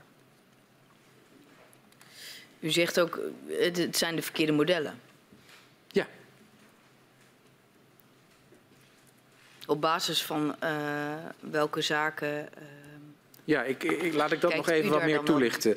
De, ehm, die, die modellen die leveren een, uh, een risico-inschatting op basis van de inzichten in hoe die gaswinning zorgt voor uh, het indrukken van die die lagen, die zandsteenlaag onder de grond, hoe dat weer ervoor zorgt dat breuken die in kaart zijn gebracht, althans een deel van de breuken, uh, onder spanning komen te staan, maken een inschatting van de kans van het, uh, op aardbevingen van bepaalde magnitudes en dus ook aantallen aardbevingen, maken vervolgens een inschatting van hoe zo'n aardbeving die op drie kilometer diepte zich plaatsvindt en waar die energie die moet, die gaat naar boven toe en die zorgt voor die grondbewegingen, hoe dat mechanisme functioneert. En probeert dus ook een inschatting te maken afhankelijk van de locatie in het gebied. Of dat heftigere grondbewegingen worden of minder heftige grondbewegingen. Want op het moment dat je op zand uh, je huis hebt gebouwd, dan is er minder sprake van een zogenaamd opslingeringseffect. Maar op het moment dat je bijvoorbeeld je huis op veen hebt gebouwd, dan kan er sprake zijn van een tot wel twee keer zo sterke uh, grondbeweging als gevolg uh, daarvan. Dus ik noem al deze dingen om aan te geven dat deze modellen heel nuttig zijn, omdat ze helpen om het risico uh, te begrijpen. En deze informatie, wat ik tot nu toe opnoem, is ook belangrijk om, om nadat je een inspectie hebt gemaakt van een woning, een goede beoordeling te kunnen maken of die woning tegen dat soort grondbewegingen uh, bestand is of niet. Die modellen gaan ook nog, de SDA gaat ook nog verder door vervolgens te zeggen, ik heb 150.000 gebouwen in het gebied. Ik heb op basis van publieke informatie, bijvoorbeeld het kadaster, een inschatting gemaakt van wat is dit nu voor type gebouw. En op basis daarvan heb ik gekeken naar uh, de sterkte van die uh, gebouwen. En ik maak een inschatting voor al die 150.000 gebouwen in één keer, want dat kun je in één berekening dan doen. Mm -hmm. uh, wat de kans is dat dat specifieke gebouw dan misschien zou kunnen instorten, deels of geheel. En daar gaat met name wringt de schoen, want dat laatste stuk is natuurlijk heel indicatief. Ja. er is geen inspectie geweest dus er is ook maar hele beperkte informatie van die gebouwen. Dus de uitkomst van deze hele berekening vertaald naar hoeveel gebouwen zijn er wel of niet veilig, daar is die berekening niet geschikt voor. Nee. En daar moet je hem dus ook niet voor gebruiken. Oké, okay, helder. Um, bij de beoordeling van risico's uh, van mijnbouw, dus ook rond eh, risico's rond de gaswinning van Groningen uh, en de gasopslag in Norg, zijn meerdere kennisinstituten betrokken. We weten het KNMI, die meet de aardbevingen. Uh, TNO verzamelt allemaal gegevens. De NAM weet de locatie van, van de breuken. Um, hoe, hoe, hoe, ervaart u de taakverdeling tussen al die kennisinstellingen? Um, ik denk dat. kijk, de NAM is de mijnbouwer en de algemene hoofdregel is, en dat is denk ik een terechte hoofdregel, uh, de mijnbouwer is verantwoordelijk voor een verantwoorde, veilige mijnbouw. En dat betekent dat die mijnbouwer van tevoren al goede analyses moet maken met betrekking tot de risico's die aan de orde zijn, maatregelen moet bedenken om die risico's te kunnen beheersen. Mm -hmm. He, dus dat de NAM uh, dat doet, is vind ik niet meer dan logisch. In, in, we hebben ook mijn, mijn collega's hier eerder hoorden verklaren dat ze moeite hebben gedaan om de NAM zover te krijgen dat ze een, zich fors gingen investeren om deze kennis uh, te verbeteren. Dat heeft de NAM uiteindelijk ook gedaan en daar zijn, die investering is inderdaad ook fors geweest. En ik denk dat uh, vermoedelijk er geen enkel gasveld ter wereld is hè, waarvan we de risico's bij wijze van spreken begrijpen als die van het gasveld in Groningen. Ja. Um, dus dat is hen, hun verplichting. Ja. En ook op het moment dat we bijvoorbeeld nu praten uh, uh, en zorgen hebben over het feit dat we relatief meer aardbevingen zien dan die risicoanalyses inschatten, daar heeft naar mijn idee nog steeds de NAM een belangrijke verantwoordelijkheid om te zorgen dat dat onderzoek verder gaat, zodanig dat die risicoanalyses nog verder kunnen verbeteren. Want het is heel belangrijk dat we naar de mensen in Groningen zo goed mogelijke verwachting kunnen aangeven op welke manier na verloop van jaren die aardbevingen zullen, zullen afnemen. Dus dat is een verantwoordelijkheid van, van de, de mijnbouwer en die gaat ja, in potentie uh, is die eeuwigdurend. Dat is misschien ook nog wel goed om aan te geven. En dan als u, als u kijkt naar die andere uh, kennisinstituten, of andere kennisinstituten, de andere kennisinstituten uh, naast het TNO, bijvoorbeeld KNMI, de Mijnraad, de Technische Commissie Bodembeweging. Hoe verhoudt dat zich nou tot SODM? Nou ja, het is, kijk, het is, het is belangrijk dat we, uh, dat we een kennisinstituut als KNMI hebben, die ook die, uh, de seismische metingen in Nederland doet, die ook die seismische metingen beheert en ook zorgt dat dat soort informatie beschikbaar is. Want mm. daar kunnen alle mijnbouwers uh, gebruik ook van maken. Ook wij kunnen daar gebruik van maken. Ja. Ik denk dat dat heel belangrijk is dat dat is. Het is ook heel belangrijk dat het KNMI in staat wordt gesteld om zo'n complex en groot netwerk als er in, in Groningen is, om dat ook goed te kunnen onderhouden en te beheren op, op, een state-of-the-art manier. Ik denk dat, dat, dat, dat we dat verplicht zijn om te doen.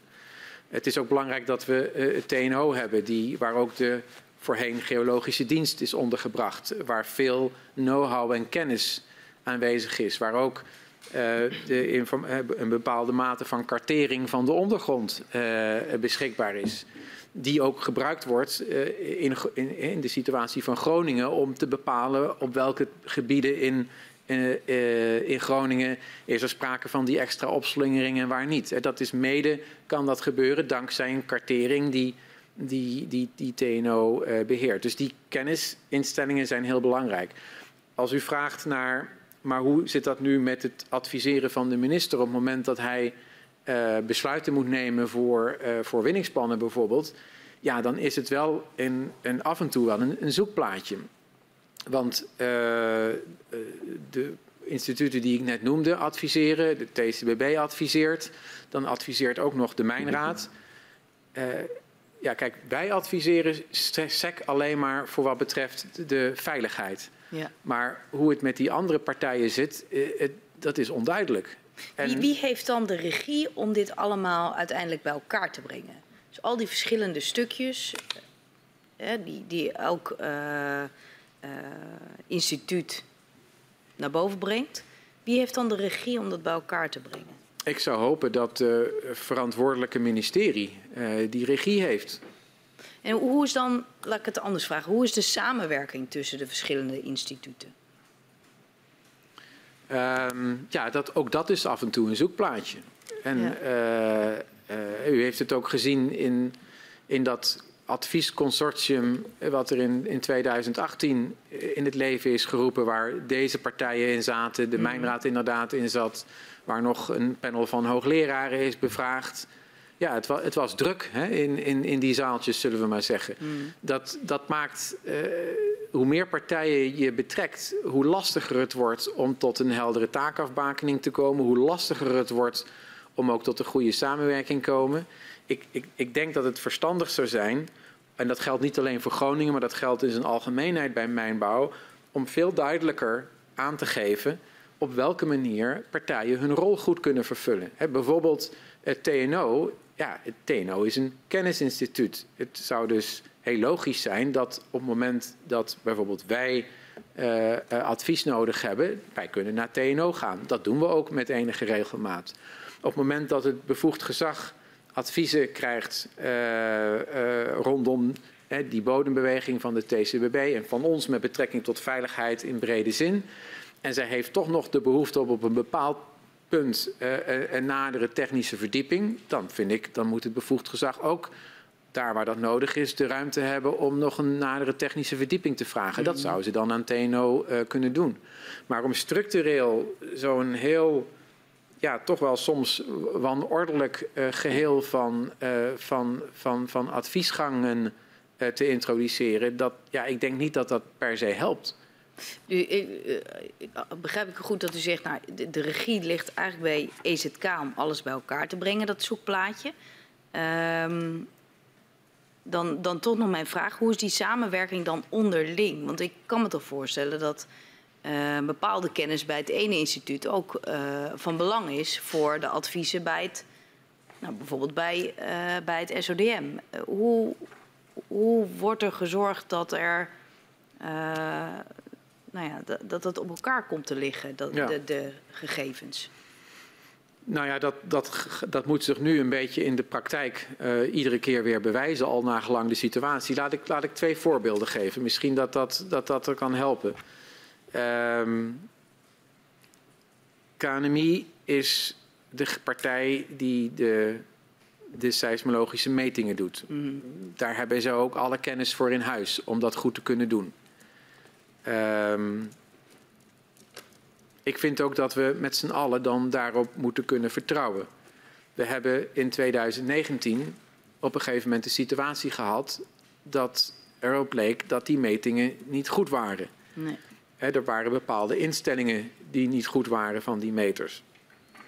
Dat heeft ons toen um, erg verontrust. Want iets wat zo bazaal is voor die gehele risicoanalyses waar we steeds over spreken, als dat mogelijk niet op orde is, dan hebben we een groot probleem. Wij hebben toen ook, niet zozeer omdat wij toezicht houden op de KNMI, want dat doen wij niet.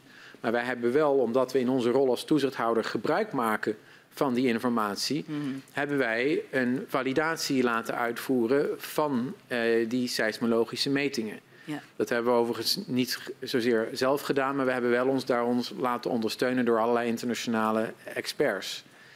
Um, dat vonden we heel belangrijk omdat het zo'n fundamenteel gegeven is.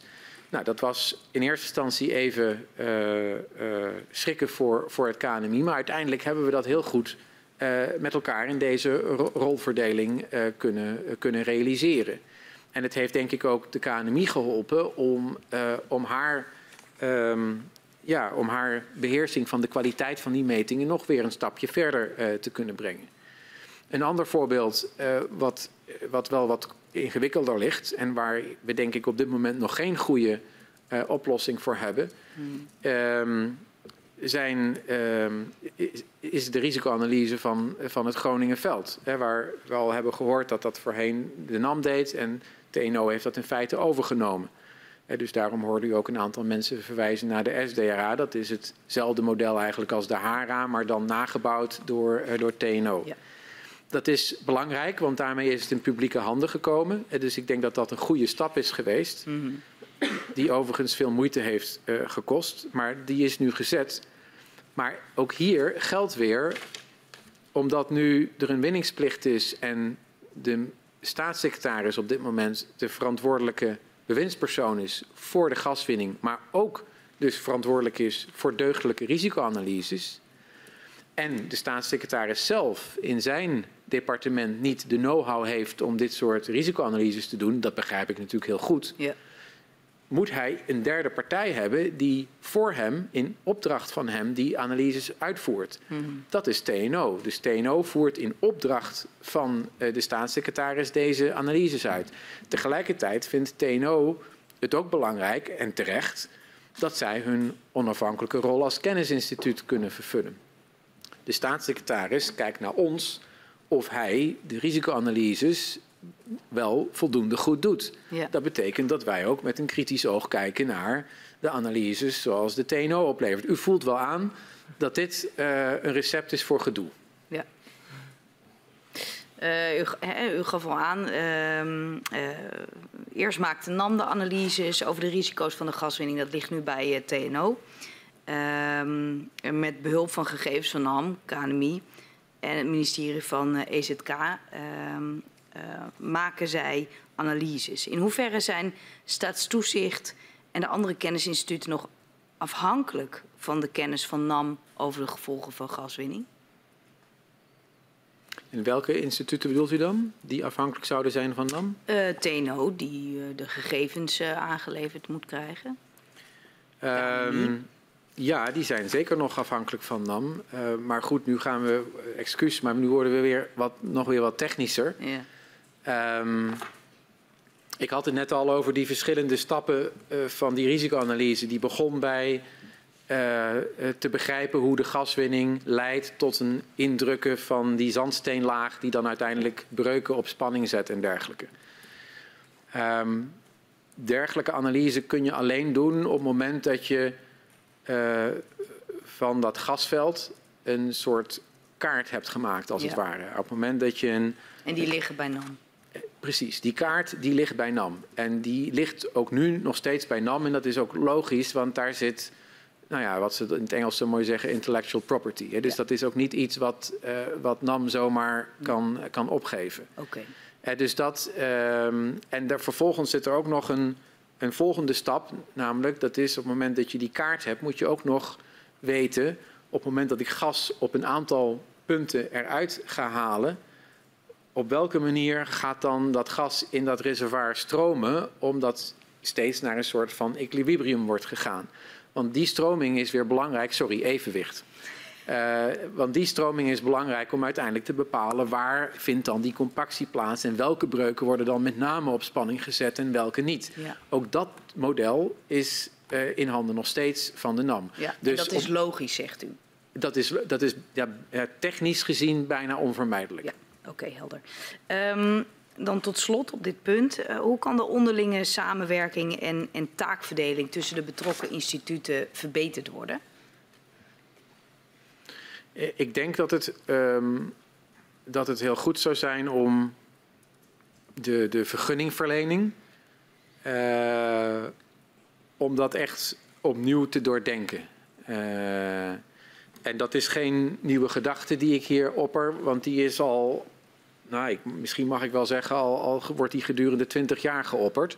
En daar liggen dus ook al een aantal rapporten, eh, ik moet helaas zeggen, te verstoffen in een la die eigenlijk adviezen geven met betrekking tot hoe die vergunningverlening zou kunnen verlopen. En, en één, eh, omdat, hè, de, de- en het laatste rapport, laat ik dat even eruit halen, is, is van AEF, die ik geloof in 2020 of 2021, ben ik nu even kwijt, eh, op verzoek eh, van het ministerie eh, hebben gesproken met partijen in, in, in het land, ook met, met mijnbouwers. Van ja, waar, waar wringt de schoen? Hoe kunnen we zorgen dat we tot een vergunningverlening komen die navolgbaar, maar ook goed werkbaar is? Hè? Waardoor ook die, die, die kluwen van adviseurs, als het ware, ja, dat verbeterd kan worden. Nou, hun advies was om te beginnen, zorg voor het duidelijker veiligheidsbeleid. Eh, als je dat hebt gedaan, is het ook mogelijk om de vergunningverlening weg te halen bij beleid. Want in hun advies was dat moet je ook helemaal niet bij beleid willen hebben, die vergunningverlening. En vervolgens kun je ook dat proces van vergunningverlening eh, gaan stroomlijnen, waarbij je ja, een, een beperkt aantal partijen een, een heel duidelijke rol geeft, waarbij ook de samenhang tussen die verschillende adviseurs duidelijk wordt eh, benoemd. Eh, nou, dat waren een aantal van hun belangrijke adviezen. Ehm, eh, ik, eh, Waar nogmaals een keer naar zou moeten worden gekeken. ja, stof eraf blazen. En... In eh, 2016 eh, was eh, NAM aanwezig bij een gesprek met het ministerie van Economische Zaken over een advies van staatstoezicht op de mijnen. Zo begrepen wij uit de verklaring van de heer Van der Meijden tijdens zijn verhoor. En hij kreeg na deze bijeenkomst het verwijt van NAM dat staatstoezicht alleen maar tevreden was als de gaswinning naar nul zou gaan. Hoe is uw relatie met NAM? Eh, nou, mijn, mijn relatie met NAM is, eh, ik zou zeggen, heel, naar mijn taxatie heel constructief. Ehm, wij pakken onze rol zoals we dat moeten doen als toezichthouder. Maar dat doen wij wel ehm, eh, open en, en ook eh, respectvol richting NAM. Wij zijn kritisch op NAM. Wij kunnen ook eh, ja, onze, ons ongenoegen uiten. Maar als we dat doen, dan doen we dat onderbouwd op basis van de onderzoeken die we hebben gedaan of de waarnemingen die wij doen. Ja. Ik, ik heb het idee dat dat niet eh, een, onze relatie als het ware in de weg staat. Zijn er eh, vergelijkbare situaties eh, geweest eh, tussen u en NAM, zoals ik net bes- beschreef als in 2016? Ja, Wilt u daar wat over vertellen? ja, want eh, zoals ik het net de relatie eh, karakteriseerde, dan is dat de relatie zoals ik die nu ervaar eh, Mhm. met, met NAM. Ehm, maar ik heb u ook verteld, en dat was eigenlijk met name aan de orde in, ja, in, in de eerste helft van 2018. Ehm, ik, ik, zag, ik zag de NAM en de EZK heel dicht bij elkaar. Mhm. Ik zag eh, nou ja, de NAM bij wijze van spreken eh, eerst de telefoon pakken om met EZK te praten in plaats van eh, met, met de toezichthouder. Ik, ik, ik merkte ook heel duidelijk dat de NAM ehm, ja, helemaal niet zat te wachten op, uh, op productiemaatregelen. En hoe, waar, waar, zag u dat aan? Nou ja, dat, dat heeft de heer Schotman ook zo ongeveer letterlijk tegen mij gezegd. Hij zegt van ja, ik vind niet dat er productiemaatregelen nodig zijn omdat, voor de veiligheid. Hm. En, uh, en ik heb u al verteld over die, hè, die marge die we hebben gebruikt om tot ons advies mhm. te komen. Hij vond dat echt een heel slecht idee, want hij zei dat naar zijn overtuiging was dat, was dat niet nodig. En kon er gewoon nog doorgeproduceerd worden in, uh, in Groningen. Um, kijk, en daar, de man mag zeker haar opvattingen hebben, maar ik noemde dat al eerder, hè, die vier handen op één buik was gewoon een, een ongezonde uh, verhouding.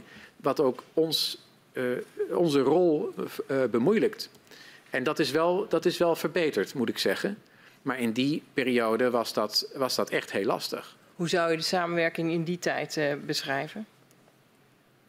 Of de relatie? Um, ja, ik vind het lastig om daar, om daar één woord uh, aan, aan, uh, nu aan te koppelen. Wat ik, wat ik zag was een, een, uh, een onder toezicht staande instelling die um, ja, heel erg begaan was met hoe zij keek naar de wereld. Mm -hmm. Wat toch wel ook een erg technische blik op de wereld was. En gegeven misschien wel ook haar, haar, haar omvang en ook gegeven het feit dat zij een positie had in het, in het gasgebouw, ze gedroeg eigenlijk niet zozeer als een onder toezicht staande instelling, maar gewoon als een belangrijke speler in het gasgebouw, die af en toe de neiging had om de toezichthouder maar een beetje lastig te vinden. En dat vond ik een, een ongezonde en ook onvolwassen uh, relatie. Begrijp ik goed dat u vond dat uh, de NAM zich eigenlijk groter uh, in, een, in een stevigere positie zette dan ten opzichte van, de, van het staatstoezicht? Ja, onterecht. Ja. ja. In 2015 adviseerde de OVV om de onafhankelijkheid van staatstoezicht ten opzichte van de sector te verbeteren. Uh, hoe, hoe, beoordeelde u de onafhankelijkheid van staatstoezicht uh, bij uw aantreden ten opzichte van onder andere de NAM, maar ook de beide oliemaatschappijen? Um, nou, ik had, ik had wel uh, gezien voordat ik startte dat. Um, dat het staatstoezicht naar aanleiding van de adviezen van het OVV uh, de onafhankelijkheid voor wat betreft de inhoud uh, wettelijk geborgd was. He, dus in de mijnbouwwet, die was veranderd in, uh, per 1 januari 2017, was wettelijk vastgelegd dat de minister, de IGM, SODM, geen instructies mocht geven waar individuele onderzoeken betrof. Hij mag ons wel een algemene instructie geven, maar die moet hij dan wel onverwijld ook naar de Tweede Kamer sturen. Maar hij mag niet zich mengen in individuele uh, toezichtszaken. Dus dat was al veranderd ten opzichte? Ja, en dat, dat was daarvoor niet. Uh, dat is al een belangrijke verandering. Het werd me pas later duidelijk dat SODM daar eigenlijk een, een hele bijzondere positie mee had gekregen. Omdat, ik geloof afgezien van de uh, onderwijsinspectie, er is geen enkele inspectie is die een, waarvan de onafhankelijkheid op deze manier wettelijk geborgd is. Mm -hmm. er, er, zijn wel uh, aanwijzingen van de minister-president, maar die hebben geen wettelijke status. En als het puntje bij paaltje komt, hoeven die dan ook niet uh, opgevolgd te worden. Dus vandaar ook dat de inspectieraad het pleidooi heeft gehad. Wij willen graag dat die aanwijzingen voor alle mm -hmm. rijksinspecties wettelijk vastgelegd worden. Ja. Een ander punt, wat ik ook waarnam specifiek voor SODM, is dat die inhoudelijke onafhankelijkheid weliswaar goed geborgd was in de mijnbouwwet. Mm -hmm. um, ja, dat onze, um, onze organisatorische positionering uh, onvoldoende was. En uh, die moet ik iets meer toelichten. Wat ik bedoel is dat uh, hoe onze begroting wordt goedgekeurd en wie, hoe uiteindelijk wordt besloten welke financiële middelen wij krijgen om onze taak naar behoren uit te oefenen. Uh, ja, dat verloopt nu intern binnen het ministerie op een manier zoals een beleidsonderdeel ook wordt aangestuurd. En ja. op zich begrijp ik die systematiek wel. Ik denk dat die ook op zich goed in elkaar zit, maar hij past niet bij een onafhankelijk gepositioneerde toezichthouder. En dat heeft zich in de praktijk helaas ook uh, getoond, want nadat wij dus discussies hadden met het ministerie die zei van ja, maar jullie moeten helemaal geen toezicht houden op de versterkingsopgave. Of maatschappelijke ontwrichting, daar moeten jullie helemaal niet naar kijken. of nou ja, de, zo de, de arm om de, om de Groningers heen slaan, dat, daar zijn anderen voor. Dat hoeven jullie helemaal niet te doen. Dat zijn allemaal dingen die u gezegd Ja, dat zijn allemaal zaken die, die, die wij te horen kregen. Nou ja, daarvan heb ik u al uitgelegd. Wij kijken, oh, ik kijk in elk geval naar de wet en daarop baseer ik mijn keuzes. Want de wetgever bepaalt de opdracht die ik heb. En dus dat zijn zaken die ik dan ook wel uh, uh, vervolgens toch naast me neer kan leggen. Maar als dan in tweede instantie wij niet de financiële middelen krijgen om die dat toezicht op die versterkingsoperatie ook goed vorm te geven, ja, dan word ik in feite alsnog beperkt in mijn onafhankelijke roluitoefening. Uh, Wat heeft u zelf gedaan uh, de afgelopen jaren om de onafhankelijke positie van het staatstoezicht te verbeteren? Nou, we hebben uh, uiteraard hier veel discussie over gehad. En met de komst van uh, Liedewijde Ongering heeft zij zich ook sterk gemaakt. Dan moet u even Dat is de stiksecretaris-generaal die, die na Maarten mhm. -huh. Kamps kwam. Die heeft ook gezegd van nou, ik vind het belangrijk dat we een aantal van de principe-uitgangspunten voor hoe we met elkaar samenwerken, dat we die vastleggen in een relatiestatuut. En dat heeft enige voeten in aarde gehad, maar dat is er gekomen. En sterker nog, dat hebben we in juni van dit jaar, hebben zij en ik dat ondertekend. En daar worden ook een aantal van die punten die ik net benoemde, worden daar netjes vastgelegd. Hè. Wij interpreteren de wet en we, hoeven daar, we krijgen daar geen instructies van, van het beleid. Wat daar nog niet goed in is geregeld, en dat begrijp ik ook wel, want dat vergt een, uh, een, een, bredere uh, aanpassing, is die, die organisatorische positionering uh, met betrekking tot ja, hoe wordt onze begroting goedgekeurd. Ja. Ik ben, maar ik ben ook nog vooral even benieuwd naar hoe u onafhankelijkheid ten opzichte van de NAM en de olies zeg maar, heeft kunnen verbeteren de afgelopen jaren. Um, ja, ik heb, um, ik heb niet het idee dat, dat daar heel grote stappen nodig waren. Want we hebben zelf, ja, daar, daar is ook de, onze opdracht en onze positionering hindert daar helemaal niet aan. Wij moeten richting de NAM ons, uh, ons als toezichthouder opstellen. En dus hebben bijvoorbeeld, eh, ik ga even weer terug naar januari 2018. Als wij vinden dat de NAM de zorgplicht niet nakomt, mm -hmm. ja, dan schrijven wij een, dan, ik spreek dan de directeur van de NAM erop aan. En uh, in dit geval vond ik het ook een, een, een, serieuze, uh, uh, een serieus punt. Dus heb ik hem hier ook een, een bericht over gestuurd, schriftelijk. Van dit is naar mijn idee niet goed. Um, dus, dus u zegt is... het was wettelijk uh, zo geregeld dat, dat, dat we dat konden doen. Ja. Het, het, was met name de opstelling van het staatstoezicht in uh, die uh, verhouding tot NAM en de olies. En daar heb ik mijn positie in ingenomen. Ja, dus het, er waren geen, op zich geen belemmeringen om ons ook echt als onafhankelijk toezichthouder te gedragen jegens de NAM. En dat hebben we ook gedaan. Ja. Nog even op dat punt uh, dat u het had over die onafhankelijke positie richting het ministerie. U gaf aan het relatiestatuut, uh, dat heeft een boel opgelost. Maar wat dan nog overblijft is die organisatorische positie. Um, dus dat is een punt waarvan u zegt, daar, daar moet nog iets op gebeuren. Om de positie te versterken. Dat Heeft u een idee wat? Um, nou, ik denk um, eh, en ik wil hier even aanhaken bij, hè, want dit is een aandachtspunt niet alleen voor SODM, maar voor alle Rijksinspecties. Mm. Uh, de Rijksinspecties hebben ook in een tweetal brieven hun, uh, hun aandachtspunten met betrekking tot een onafhankelijke positionering aan de minister van Binnenlandse Zaken meegegeven. Mm. En dat zit hem er dus in dat voor alle Rijksinspecties die aanwijzingen wettelijk verankerd wordt. Dat zit hem er ook in dat wat betreft die financiering het belangrijk is dat een toezichthouder, uh, sorry voor de Engelse termen, op lump sum basis wordt gefinancierd. Want daarmee wordt gewaarborgd dat de toezichthouder zelfstandig keuzes kan maken waar de aandacht het hardste nodig is. Ja. dus de prioriteiten zelf kan bepalen. Mm -hmm. uh, ik denk dat het ook belangrijk is dat een toezichthouder een eigen begrotingsartikel in zekere zin heeft, waardoor ook er een transparante financiële cyclus nodig is. Want het is ook wel, eh, iemand zal moeten besluiten over de begroting van de toezichthouder. En dat mhm. zal de bewindspersoon moeten zijn. Want de wet heeft ook gezegd van ja, er is een er is toezichthouder en die heeft deze taak. Mm -hmm. En de bewindspersoon heeft de verantwoordelijkheid dat de toezichthouder ook voldoende goed bemenst is Ja. om die taak goed uit te kunnen oefenen. Dus daar zou ook in de begroting van de minister zou dat zichtbaar moeten maken van dit zijn de middelen die de toezichthouder heeft. Hier heeft de toezichthouder om gevraagd. Deze overwegingen en besluitvorming heeft erbij plaatsgevonden. En uiteindelijk is daarbij deze begroting tot stand gekomen.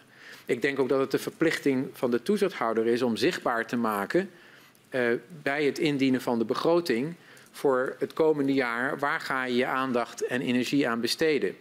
En op het moment dat je meer, eh, een toezichthouder kan altijd meer doen dan wat hij kan doen. Dus maak ook duidelijk de dingen die je niet gaat doen. Ja. En van de dingen die je niet gaat doen, als je dat acceptabel acht, nou, dan hoeft er ook helemaal geen geld bij de begroting. Maar de dingen die je niet kan doen, omdat je er geen capaciteit voor hebt, waarvan je denkt dat is onverstandig, dan zijn dat de zaken die je onderbouwd naar voren brengt voor, eh, voor geld. Op die manier ontstaat er een transparante cyclus, waar ook de, de Tweede Kamer, als dat nodig zou zijn, haar vragen aan de bewindspersoon over kan stellen. Dus dat is een ander belangrijk punt. Ehm, ik denk ook dat het eh, nodig is om, om goed de logica eh, van het de toezicht van de regering op de regering te verankeren op een consistente manier. Het, het viel mij op dat de heer Wiebes in zijn verhoor zei: Ja, maar SODM houdt toezicht op mij. Eh, en ik begrijp heel goed waarom hij dat zo zegt. Maar ik, eh, van zijn ambtenaren hoorde ik consistent. De eh, SODM houdt helemaal geen toezicht op de minister. En dat kan ook helemaal niet in hun, in hun oog. Dus hier zit ook heel veel onduidelijkheid over. Van op het moment dat een toezichthouder kijkt naar activiteiten die plaatsvinden onder de verantwoordelijkheid van de minister. Hoe werkt dat dan precies? Ja. En wat voor afspraken maken we daarover? Ik denk dat daar meer duidelijkheid over zou komen. Niet alleen voor SODM, maar eigenlijk voor, voor alle inspecties. Want een belangrijk deel van de inspecties heeft in enige mate zo'n zo'n reflec- reflectieve taak. Om het maar even wat, wat Ja. duurder te zeggen. Dus als ik dan vraag, eh, wat heeft staatstoezicht nodig om de onafhankelijke positie te waarborgen, dan zegt u meer. eh, Ja, dus het, het, het, voor ons specifiek is het die financiële cyclus eh, beter waarborgen. Het eh, helder maken ook dat op het moment dat wij toezicht houden op die zorgplicht die ligt bij de minister, wat dan precies de, de rol van een toezichthouder is die op de eigen minister als het ware toezicht houdt. Daar moet geen misverstand over Daar bestaan. moet geen misverstand over zijn. Ik denk ook dat het belangrijk is om ehm, eh, eh, heldere spelregels te maken, waardoor er een makkelijker verkeer tussen de toezichthouder en de Tweede Kamer mogelijk wordt. Eh, ik heb dat in, het, in de afgelopen jaren toch als een, als een hindernis ervaren. Wij kunnen niet op eigen initiatief eh, eh, naar de Tweede Kamer aangeven dat het wat ons betreft wellicht wenselijk zou zijn om op een bepaald onderwerp nader te spreken. Uiteraard is dat de keuze aan de Tweede Kamer, maar dat initiatief nemen of dat kenbaar kunnen maken is denk ik belangrijk. Eh, nou, daar, is meer over te zeggen, maar, maar laat ik dat nu niet doen. Ik zou het ook verstandig vinden voor de onafhankelijke positionering van SODM, maar dit geldt in zekere zin, zou je ook breder kunnen trekken, dat eh, collegiaal bestuur eigenlijk het uitgangspunt zou moeten zijn eh, voor de besturing van een toezichthouder. Waarom? Ehm, omdat je met het collegiale bestuur je niet eh, de koers helemaal eh, afhankelijk maakt van één persoon. Dus, en dat je dus ook daarmee minder gevoelig wordt voor eventuele beïnvloeding van een persoon. Maar dat je ook beter in staat bent om kwaliteit eh, van, van de koers eh, te verhogen. Ehm, ik denk dat dat, dat is iets wat, wij, wat we nu doen in de praktijk. Maar ja, dat hebben we een beetje eh, houtje touwtje verankerd, omdat de mijnbouwwet eigenlijk niet de ruimte geeft om dat collegiale, collegiale bestuur te verankeren. Wat mij betreft zou je dat wettelijk moeten verankeren. En dan kom ik ook op het, op het, ehm, op het ene laatste punt, moet ik zeggen. Eh, en dat is wie beoordeelt nu eigenlijk eh, de IGM? Ja, want dat is nu is dat de SG. Dat is nu de SG. En ehm, ja, ik vind dat toch een, een beetje een, een gekunsteld noodverband. Eh, ik, vind het, ik, vind het, ik vind het eigenlijk niet zuiver. Want op het moment dat de, de toezichthouder kijkt, heel kritisch kijkt naar activiteiten van het eigen ministerie, Mhm. waar, zoals ik het zelf ook heb gemerkt, een SG zelf flink mee betrokken kan zijn. Eh, en waar ik het zelf ook mee heb gemerkt, waar een SG het ook volstrekt niet eens kan zijn met bijvoorbeeld de taakuitoefening van, van SODM, ja, dat kan dan flink schuren. En Ja. terwijl tegelijkertijd je met diezelfde SG aan het eind van het jaar een gesprek gaat voeren van en hoe functioneert de IGM. Ik vind dat Ja. in governance eh, zin vind ik dat gewoon geen zuivere constructie. Maar heeft u zelf die, die spanning gemerkt toen u aantrad eh, tussen eh, de inspecteur of de SG en. Ja, die heb ik, die heb ik gemerkt. Dat, dat zal overigens verschillen van SG tot SG. Want op het moment dat een SG zich juist veel meer op afstand van de, de, de, de inhoud zou bewegen, dan, dan, dan is dat punt natuurlijk veel minder scherp. hmm, Maar in, maar in die eerste jaren eh, ja, was de SG juist volop bezig met het onderwerp Groningen. Wat ik overigens volstrekt begrijp. ja. Eh, dus ik, ik, ik denk dat het ook wel terecht is dat, dat hij dat deed.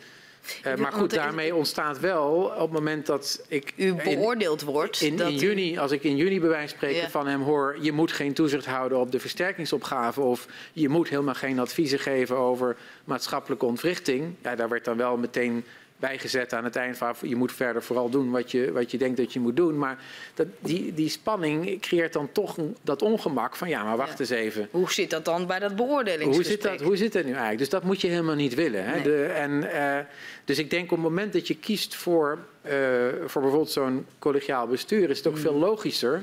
En eh, toezichthouders, bij toezichthouders als AFM en DNB is dat ook heel gebruikelijk. Ja, Om dan een, een raad van toezicht eh, te installeren. Dan is die raad van toezicht degene die die ook een kritische beoordeling van een, een, een, een bestuur van een toezichthouder moet maken. Want laten we daar geen misverstand over bestaan. Die moet natuurlijk wel plaatsvinden. Ja. En zo'n raad van toezicht kan dan ook eh 360 graden met belanghebbenden praten, met burgers, met onder toezicht staande instellingen, om zich een goed beeld te vormen van hoe gaat het hier nu? Ehm, uw voorganger, eh, de heer Van der Meijden, die, die omschreef de relatie met economische zaken als een sluimerende oorlog. Herkent, deelt u dat beeld?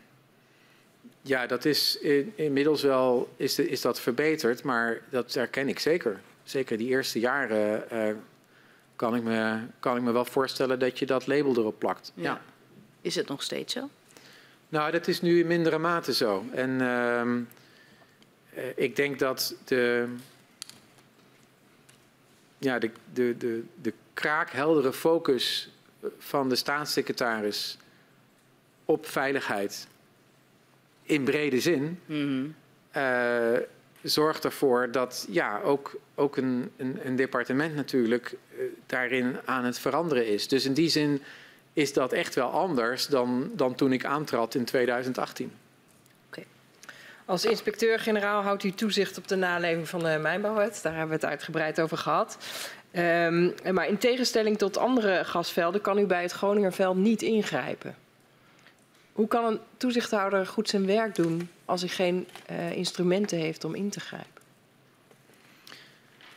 Ja, dat is, eh, dat is heel lastig. En ehm, eh, kijk, bij het veld in Groningen ehm, kan ik het me ook wel begrijpen. En daar heeft in zekere zin ook de regering gezegd met die winningsplicht en met de verantwoordelijkheid die de mi- minister toen, nu staatssecretaris, heeft om te bepalen wat moet er met het Groningenveld in termen van productie gebeuren. Eh, is dat ook lo- logisch. Ik, ik ben wel degene die eh, de minister over die veiligheid adviseert. En nu de staatssecretaris. Eh, maar uiteindelijk moet de staatssecretaris afwegingen maken van de veiligheid in, in, in Groningen. Versus op het moment dat je te hard terug zou gaan met de gaswinning, de veiligheidsrisico's die elders in Nederland eh, ontstaan. Want daar hou ik geen toezicht op, daar heb ik dus ook geen kennis van. Dus die kan ik niet, niet meewegen. Nee. Hij kan dat wel. Maar dus daarom denk ik dat dat op, op zich een, een, een, een logische constructie is. Ja, maar heeft u dan helemaal geen instrumenten Nou ja, ik moet ze- zeggen dat ehm, als het gaat om het Groningerveld? om het Groningenveld heb ik verder geen instrumenten. Nee. Nee. Ik, kan geen, ik heb geen eh, rode knop als het ware eh, die ik zelf eh, kan indrukken. En daar wil ik graag nog één ding aan toevoegen als, als mag. Want die rode knop is voor de overige mijnbouwactiviteiten naar mijn idee ook niet helemaal goed verankerd. Want ehm, die rode knop die ligt bij de minister. Ehm, en die kan ik wel bedienen, maar strikt genomen kan de minister zeggen: uh, in dit geval doe het toch maar niet.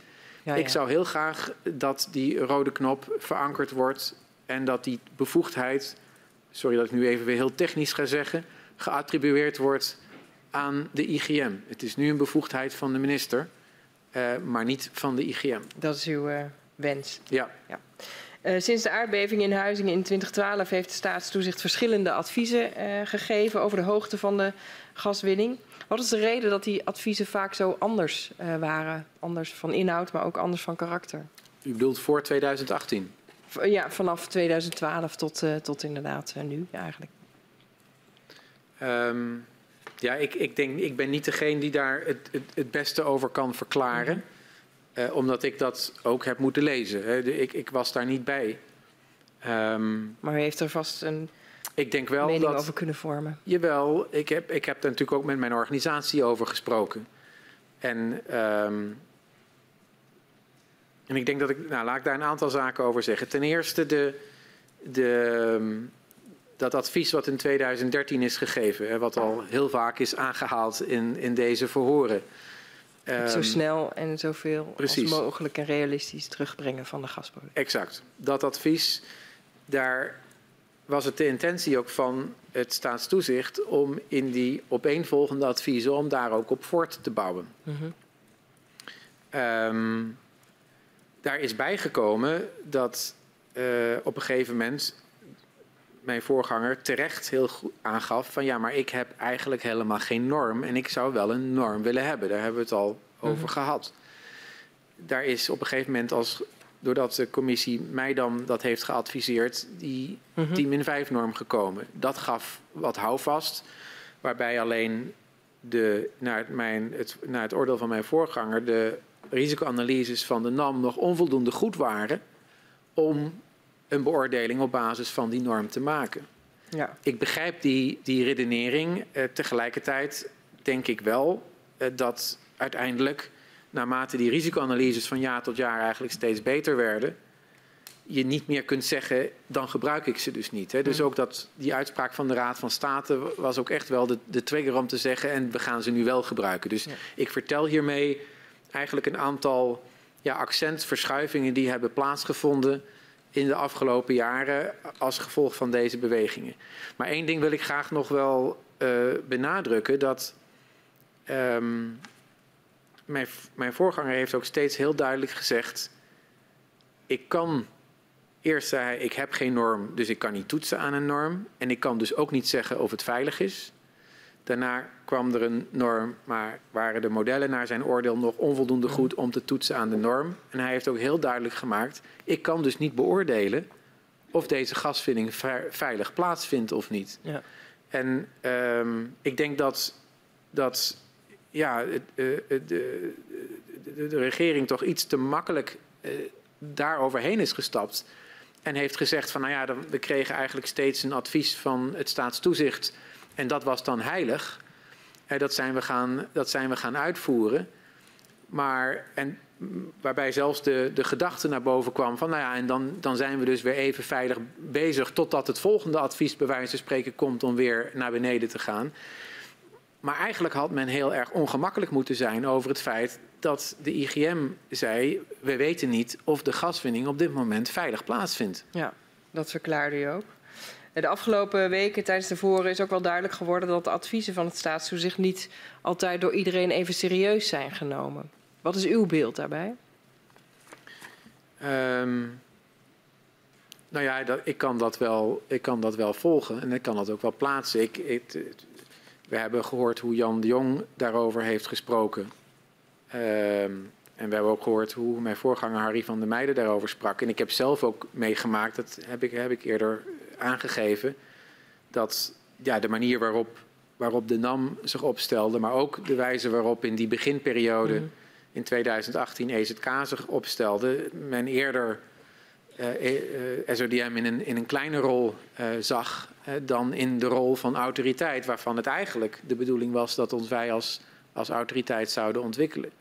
Dus als je het als je daar het, het, het stickertje niet serieus genomen op zou willen plakken, dat, dat zou kunnen. Dat, dat, dat, dat past daar wel bij. Het klinkt alsof u er liever een andere sticker op plakt. Nou nee, dit, uh, ik zou er zelf inderdaad een andere sticker op plakken, maar Wat, je hoe kunt er ook de sticker niet serieus opgenomen. Ik, ik vind dat men uh, uh, de toezichthouder onvoldoende in positie heeft gebracht om zijn rol ook daadwerkelijk goed te vervullen. En, en dat vind ik, ehm, ja, dat is, dat, dat, dat is heel vervelend, maar het is ook principieel verkeerd. Want het zou juist ook de taak moeten zijn, ook van de top van een departement, om de toezichthouder volwaardig in positie te brengen. Um, dan willen we even naar de recente ontwikkelingen. In juni van dit jaar zei u dat de kans op dodelijke slachtoffers in Groningen als gevolg van een zware beving nog steeds te hoog is. Recent onderzoek laat zien dat ondanks de afbouw van de gaswinning nog steeds uh, de kans op een zware beving met de magnitude ligt tussen de 4 en 6,5. Hoe groot is de kans op een aardbeving met dodelijke slachtoffers? Ja, um, de, u refereert met de 4,6 denk ik aan, aan een uh, recente bijeenkomst die heeft plaatsgevonden uh, vlak voor de zomer. Waarvan het rapport, ik geloof in september, is verschenen. Waarin eigenlijk de, de, de wereldwijde experts met betrekking tot, hè, de best beschikbare experts met betrekking tot uh, geïnduceerde aardbevingen opnieuw zich over het Groningenveld hebben gebogen. Dat ja. hebben ze in 2016 ook gedaan. Mm -hmm. En misschien moet ik daar toch nog iets meer over vertellen voor, voor, de, voor de mensen die meekijken. Want hè, heel lang is die maximaal mogelijke aardbeving gedacht. Nou, dat zal wel niet meer dan 3. Toen werd het 3,3 en uiteindelijk werd het 3,9. Ja. En uiteindelijk werd duidelijk dat die 3,9 niet constant houden. Mm. De vraag was natuurlijk, maar wat is het dan wel? Ja. Daar is toen in 2016 nou ja, die wereldwijde experts bij elkaar gebracht. En zoals wel vaker gebeurt op het moment dat je de top-experts bij elkaar brengt, die zijn het niet met elkaar eens. Mm. He, dus de een zegt, nou ja, dat, de Max, zoals het dan heet, die, die is 4,5. En de ander zegt, nee, dat is 5. En de ander zegt, nee, dat zou best nog wel 6 of zelfs 6,5 kunnen worden. Ja. Uh, de oplossing die daarvoor is gekozen is, en dat is overigens, dat gebeurt internationaal, dat, dat is ook gebeurd op een zelfs op een geprotocoleerde manier. Want u kunt zich voorstellen dat het voor het ontwerpen en neerzetten van kerncentrales, eh, waar ook ter wereld, dit soort vraagstellingen ook heel belangrijk zijn. Mm -hmm. Uh, dus dat is op een geprotocoleerde manier gebeurd. En de uitkomst was een soort van waarschijnlijkheidsverdeling van die theoretisch maximale aardbeving. Ja. Op dit moment uh, zijn dus ook nog een deel van de experts die zeggen, ja, dat zou ook 6, uh, magnitude 6 kunnen zijn of, of 5. Ja. Het gewogen gemiddelde van die waarschijnlijkheidsverdeling zit op die 4,6. Mm -hmm. uh, u vraagt nu aan mij de kans van een, een potentieel fatale aardbeving. Ja, dat, dat, die zal, dat kan een potentieel een aardbeving van, van een magnitude 4,5 kan al een, een deel van de, de meest kwetsbare huizen deels doen instorten. En een, een aardbeving van magnitude 5 Uh, uh, zal dat zeker een deel van die meest kwetsbare huizen deels kunnen doen instorten. De, de kans op, op, op dat soort aardbevingen zitten nu in de, in de grote orde van, als ik even op die 4,5 ga, op, in de grote orde van 1 op 1000. 1 op 1000. En in hoeverre zijn, zijn Groningers, inwoners van Groningen, in vergelijking met inwoners van andere provincies uh, meer, meer of minder veilig? Nou ja, de, uh, op dit moment ik heb, is er niet dezelfde mate van veiligheid als we zouden willen. En ook als er, er elders in Nederland aanwezig is, is niet aanwezig in Groningen. Nee. En uh, dat zit hem dus om te beginnen in het feit dat er zelfs nu nog uh, huizen beoordeeld worden, waarbij ze beoordeeld worden dat er nog versterking noodzakelijk is. He, dus de, het aantal huizen dat versterkt moet worden blijft nog uh, groeien. Um, maar dat zit hem ook in het feit dat, ja, zoals ik al eerder aangaf, er een uh, verhoogd risico is dat ja, de meest kwetsbare mensen in dit geval, hè, die, die, met die langjarige stress en de gezondheidsschade, mm. dat er een verhoogd risico is op overlijden. Ja. En, uh, en dan heb ik het nog niet over de effecten van die gezondheidsschade zelf. Ik, ik, meen dat uh, de onderzoeken van het Gronings perspectief laten zien ja, dat dat toch in de, in de orde van 10.000 mensen zijn die echt uh, die gezondheidsschade ondervinden. Um, dus ja, die veiligheid is nog helemaal niet geborgd in, in Groningen. Ja, ik zit, ik, ik zit nog even na te denken over die 1 op 1000. Dan zeg ik, hoe groot is de kans op een aardbeving met dodelijke slachtoffers? Zegt u de kans van 1 op 1000 dat er een zware aardbeving is met een, dodelijk, met een fatale afloop. Zo moet ik hem lezen. Ja, voor de, voor de meest uh, uh, kwetsbare uh, gebouwen. Ja. Um, ik, laat ik nog iets meer informatie geven. Die, die aardbeving van 4,5, 1 op 1000, die van 5 is al 1 factor 10 ongeveer naar beneden. Mm. Um, um, dus het zijn allemaal hele kleine kansen. Yeah.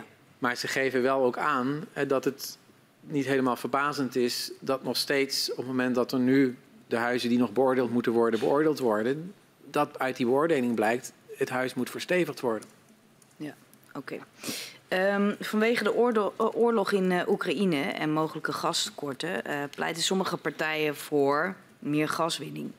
De Mijnraad adviseert uh, scenario's uit te werken en alle elf putten nog niet definitief te sluiten. De heer Atema, directeur van NAM, stelde dat er jaarlijks nog 30 mil, miljard kuub kan worden gewonnen. Wat zijn de consequenties eh, van het openhouden van alle putten op het risico van aardbevingen en mogelijke schade? Um, het, het openhouden, het langer openhouden van de clusters uh, in het Groningenveld, hè, waarvan eigenlijk beoogd is om die in stappen uh, te sluiten. En dat betekent dus te ontmantelen en ehm, en er een plug-in aan te brengen, uh, dat wil zeggen hè, cement aan te brengen in die, in die putten. Het gevolg daarvan voor de veiligheid van de mensen in Groningen is denk ik vooral eentje op, op de onzekerheid. Uh, op het moment dat je, dat je nu toch zou besluiten langer het veld op die waakvlam te zetten, mm. of langer clusters waar die je eigenlijk had willen sluiten al, uh, langer niet te sluiten, ja, dat, dat voedt, dat voedt die, die onzekerheid. En, en ja, de, de meest uh, kwetsbare mensen in het gebied, die zullen daar echt uh, uh, schade van, van ondervinden. Dus vanuit die optiek, vanuit dat aspect van veiligheid, is dat niet, zou je dat niet moeten doen. Vanuit het aspect van de veiligheid van de, de gebouwen, hè, levert dit nu ook een een grotere kans op het langer op de waakvlam zetten van, uh, um, van het Groningenveld. Hmm. Op, die, op, die, op, dat, op die veiligheid van die, van die huizen.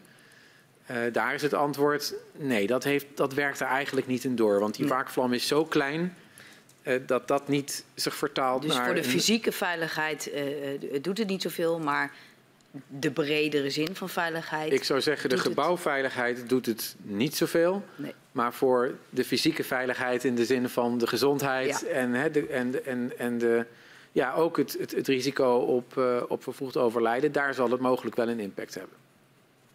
Oké. Okay. Um, ik heb nog uh, twee, uh, twee vragen. Um, u verklaarde eerder dat, dat de versnelde afbouw in 2019 dat dat een dwingend veiligheidsadvies uh, was en geen, uh, geen beleidskeuze. Um, betekent dat dan dat u het afbouwpad dat was afgesproken in het akkoord op hoofdlijnen, dat dat niet veilig was? Um, nou, um, ik heb volgens mij niet een kwalificatie gegeven aan ons advies in 2019 of het een beleidsadvies of een ander soort advies was. Het was een veiligheidsadvies. En uh, wij hebben dat advies gegeven omdat ons advies in 2018 was zo snel als mogelijk naar 12. En ja, daar bedoelden wij letterlijk ook zo snel als mogelijk mee. Dus op het moment dat wij dan als, in onze rol als toezichthouder de indruk krijgen dat het afbouwpad niet zo snel als mogelijk is, dan komen we in actie. En dat is wat we hebben gedaan in 2019. Wij zagen dat er, er mogelijkheden waren voor verdere versnelling, die naar onze indruk niet terecht dreigden te komen in het ontwerpbesluit van de minister. En dat is de reden waarom we dat advies hebben gegeven. Ja, ja. Maar vervolgens, als dat dus niet terugkomt in het akkoord op hoofdlijnen, dan is dat advies niet opgevolgd en raakt dat de kern van de veiligheid van Groningers. Ja, kijk, dat akkoord op hoofdlijnen is voor mij in mijn rol, vind ik, niet zo'n relevant gegeven. Um, ik kijk naar de veiligheid en, uh, en op grond daarvan uh, geef ik mijn adviezen. En ik denk eerlijk gezegd ook dat op het moment dat de minister in 2018 zegt: Ik volg het advies van het staatstoezicht op, en dat heeft hij gedaan, dan hij, hij heeft het ook op zich genomen om zo snel als mogelijk naar die 12 te gaan. Als hij vervolgens ook nog, omdat dat noodzakelijk is, een, een, een overeenkomst sluit met, uh, met de oliemaatschappijen. Ja, dan denk ik dat het uh, logisch is dat hij ook in die overeenkomst en naar die oliemaatschappijen duidelijk maakt: van ja, als ik nog sneller kan gaan, dan ga ik dus nog, sneller. Want dat is het advies wat ik heb gekregen en dat advies heb ik ook overgenomen. Ja. Um, u had het uh, over de te hanteren veiligheidsnormen. Um, de commissie Meidam die hanteert de norm die geldt voor natuurrampen en niet de strengere norm die geldt voor industrie. Um, is die norm van 10 min 6 ook de norm die in de toekomst zou moeten gelden voor een mijnbouwactiviteit? Ja, um, daar, in zekere zin kwam daar een, een, een vraag al, al in, in, variant op deze vraag al, al eerder langs van hoe logisch is het om een soort van knip te leggen, hè? Uh, risico's die ontstaan beneden de drie kilometer versus risico's die ontstaan uh, boven de 100 meter. Ik, denk dat dat onderscheid een, een, een artificieel onderscheid is. Dus na, naar de toekomst toe. En we zullen dat risicobeleid nog nodig hebben voor de energietransitie, waarin we nog in belangrijke mate uh, van de ondergrond gebruik moeten maken. We moeten om, als we helemaal groen gaan worden en ons willen steunen op windenergie, op zonne-energie, we hebben een, manier nodig om die seizoenswisselingen van in onze energiebehoeften op te kunnen vangen. Het antwoord daarop is grootschalige energieopslag. Ja, die grootschalige energieopslag die kan ondergronds plaatsvinden in, in gasvelden, maar vermoedelijk ook in, uh, in zoutcavernes. Uh, ja, daar hoort een consistent uh, veiligheidsbeleid bij met, ik zou zeggen, een, een uniformering die ongeacht de activiteit hetzelfde is. Ik denk dat dat wel, uh, dat, dat qua uitlegbaarheid uh, wel beter zou zijn. Ik denk overigens ook, uh, dat, laat ik daar toch ook nog een opmerking over maken. De, kijk, Noordoost-Nederland en, zeker Groningen heeft uh, met de mijnbouw, met de gaswinning van Groningen, ja, nu in de afgelopen twee decennia veel, veel schade en veel ellende gehad. En tot op de dag van vandaag. En helaas zal dat nog een enige tijd doorgaan.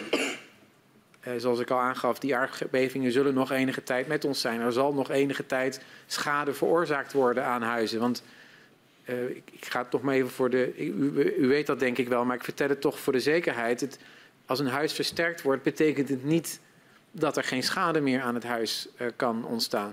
Er kan nog steeds een aardbeving van 2 of 2,5 kan nog steeds voor scheuren zorgen. Die gewoon zo snel als mogelijk gerepareerd moeten worden. Um, dus dat, dat, dit fenomeen gaat helaas nog langere tijd uh, uh, met ons zijn, in, in, of eigenlijk in de, in de provincie zijn. Op het moment nu dat we voor de energietransitie uh, groot zouden willen inzetten om, om tientallen uh, zoutcavernes bij wijze van spreken in de provincie Groningen ondergronds te gaan maken voor grootschalige energieopslag. Ik, ik begrijp dat misschien de ondergrond in Groningen daar potentieel geschikt voor is. Maar de ondergrond onder de Noordzee bevat op een aantal plaatsen ook ruimte om dat te doen. Dus ik denk dat het wel heel belangrijk is, ook weer vanuit die veiligheid van de Groningers geredeneerd en wat zij nu allemaal uh, doorstaan, om heel goed dat soort alternatieven, zoals uh, grootschalige energieopslag onder de Noordzee in plaats van onder Groningen, om die alternatieven goed te bekijken. Ja, maar wat zegt dat dan over uw voorkeur? Is dat 10 tot 10 min 6 of 10 min 5? Of zegt u dat hangt af van... Nou, ik zou dat artificiële onderscheid niet maken. Dus ik denk dat het verstandiger is om dus 10 min 6 te zeggen. Okay, ongeacht uh, waar je bent in Nederland en ongeacht de activiteit. Duidelijk, dank u. Staatssecretaris Velbrief wil het Groningerveld in het najaar van 2023 en uiterlijk 2024 sluiten, mits de geopolitieke situatie dat toestaat. Stel nou dat er toch om allerlei redenen toch nog 20 of 30 kuub in een jaar uit het Groningerveld gewonnen moet worden. Wat betekent dat dan? Ja, de, uh, dat zou dramatisch zijn. Dramatisch, zeg Ja, dat zou dramatisch zijn. Want dat, dat betekent dit soort hoeveelheden, als die weer gewonnen zouden worden uit het Groningenveld. Nou, A, nemen dan de risico's weer toe. De, de, de kans op aardbevingen, ook zware aardbevingen, zal groter worden. Het aantal aardbevingen gaat toenemen. Uh, ik sluit niet uit dat we weer allerlei beoordelingen van huizen die dan zijn gedaan, dat die dan misschien toch weer opnieuw moeten gebeuren. Er zullen sowieso meer woningen nog weer beoordeeld moeten gaan worden om te zien of ze, uh, uh, of ze veilig zijn of niet. Mhm. Ja, u kunt zich voorstellen met, met wat er nu gebeurt en hoe, hoe rampzalig die versterkingsoperatie nu verloopt. Daarom gebruik ik ook dat woord rampzalig. Dat zou echt ja, absoluut geen goed idee zijn. U uh, refereerde net al aan, hè, uh, het is nog echt te verwachten dat er bevingen en ook schade nog uh, komt, ook als het veld op de waakvlam blijft staan. Wat, u zei enige tijd. Kunt u daar een, een, een wat nauwkeuriger beeld op geven? Hoe, hoe lang um, blijft het nog beven? Nee, dat, dat, dat kan ik niet. Dat, um, de, ja, dat is echt ongemakkelijk. Uh, maar het is, wel, het is wel de realiteit. We weten niet hoe snel die aardbevingen zullen afnemen. We weten wel, kijk, die, die, de bevingen nu worden voor een belangrijk deel uh, veroorzaakt door het feit dat het veld uh, mm -hmm. tot rust aan het komen is. En daar bedoel ik in feite mee dat hè, in het ge gebied van Loppersum zijn de drukken nog heel hoog. In het uh, zuidoosten zijn die stukken lager. En dat, dat, daar, dat, dat veld is naar een evenwicht aan toe gaan. Dat betekent dat de druk bij Loppersum afneemt en daar dus nog steeds als gevolg daarvan breuken op spanning worden gezet. En dit proces van die drukvereffening, uh, ja, dat zal nog wel een aantal decennia doorgaan. Uh, of, en dus we moeten er rekening mee houden, ik weet het niet, maar mm -hmm. we moeten er rekening mee houden dat dus ook de bevingen nog een paar decennia zullen doorgaan. Ze worden wel steeds minder. En de kans op zwaardere aardbevingen zullen ook steeds meer en meer afnemen. En hoe snel ze afnemen als gevolg van dat drukvereffeningsproces, daar durf ik echt geen precieze uitspraak over nee. te doen. Maar we moeten er rekening mee houden dat het nog wel 20 of 30 jaar duurt. Maar de bevingen worden minder frequent en ze worden ook steeds kleiner. Dat is wat ja, u zegt. Klopt. En hoeveel schade uh, zou dat dan met zich mee uh, brengen? Heeft u daar een inschatting op? Hoe lang nog schade? Dat, ja, die schade zal dus ook nog lang uh, met ons zijn. Uh, ik gaf al eerder aan dat onze indruk is hè, dat bevingen vanaf uh, magnitude 2 al voor schade kunnen zorgen. -huh. um, in, direct. Maar um, ja, het is heel moeilijk om, om daar een uitspraak over te doen. Maar nogmaals, ik, ik, we kunnen dus niet uitsluiten dat ook schade nog meer dan tien jaar, mogelijk zelfs nog wel uh, decennia lang uh, met ons zal zijn. Dat kan ik gewoon niet uitsluiten. Ja. Hoe ziet u de toekomst van het staatstoezicht op de mijnen? Um, nou, ik denk dat, we, ja, zoals ik helemaal in het begin vertelde, de gaswinning in Groningen is voor ons natuurlijk een belangrijk onderwerp. Uh, maar ook allerlei onderwerpen, uh, on, uh, ontwikkelingen rondom de energietransitie uh, trekken onze volle, onze volle aandacht. ik had het al over die ondergrondse opslag, hè, de, de, windparken op zee, het transport van het gas, mogelijk straks ook het transport van waterstof, de opslag van waterstof. Dus wij, ehm, ik, ik, wij zullen nog een, een spannende paar decennia tegemoet gaan. Bent u tevreden over de manier waarop het publieke belang van veiligheid uh, nu is belegd? Um, nou ja, ik heb denk ik wel al laten doorklinken dat dat, dat publieke belang van veiligheid, wat mij betreft, nog beter geborgd zou moeten worden. Mm -hmm. um, uh, wij zijn ons aan het ontwikkelen als toezichthouder. Hè, we, we, zijn in zin, on, on, terwijl we we hier spreken ons nog aan het verder aan het heropbouwen. Uh, ik sprak al over die uitgemergelde toezichthouder. Nou, voor een deel hebben we al meer vlees op de botten gekregen. Mm. Maar om ook de milieurisico's uh, goed uh, vorm te geven, ja, daar zijn we op dit moment pas mee begonnen om dat vlees op de botten weer te zetten. Dus we hebben daar nog wel een ontwikkelingsweg te gaan. En wat voor ons geldt, geldt eigenlijk ook voor, voor de beleidskant. We spraken al over het veiligheidsbeleid. daar wordt overigens wel aan gewerkt, maar ja, daar zou een, een, een grotere en veel nadrukkelijkere uh, inspanning op moeten plaatsvinden om ook vanuit de beleidsoptiek dat publieke belang van die veiligheid uh, goed uh, te borgen. Ja, dus je zegt zowel in wetgeving als ook op uh, beleidsgebied moet daar echt nog wel dingen gedaan worden, hoor ja. ik zeggen. Ja. ja. Wat is voor u de belangrijkste les uit het Groninger gasdossier? Nou ja, um, um, ik had, ik had zelf uh, heel graag in dat eerste jaar in 2018 uh, ja, toch me nadrukkelijker nog eigenlijk met, met die uh, versterking uh, willen bemoeien. We hebben, we hebben ons advies gegeven om, om in feite eerst die veilige marge te hanteren, vervolgens ook met gezond verstand die omvang van die versterkingsopgave uh, vorm te geven. Um, en vervolgens hebben we ook uh, in reactie op die gemeentelijke plannen gezegd: ga dit nu wijk voor wijk en dorp voor dorp doen.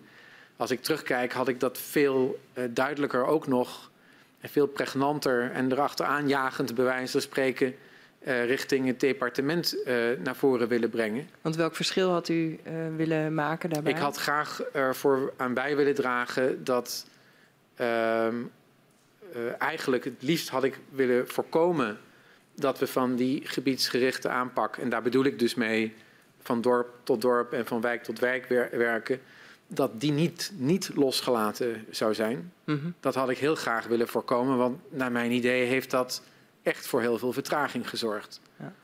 Ja. Um, en ik had ook willen, nadat dat eenmaal was wel gebeurd, dat dat voor in 2018 eigenlijk is losgelaten. En daarna aan het eind van 2018 weer is, is op, op, op, mm -hmm. op, op, tafel gekomen. Had ik uh, graag uh, uh, willen zorgen dat dat ook sneller in de praktijk weer toegepast werd. want dat heeft te lang geduurd, naar mijn indruk. Dank u wel. We zijn uh, uitgevraagd als uh, commissie. Hartelijk dank voor uw medewerking. Ik verzoek de griffier om u en uw steunverlener, mevrouw Heijnen, naar buiten te geleiden. Graag gedaan.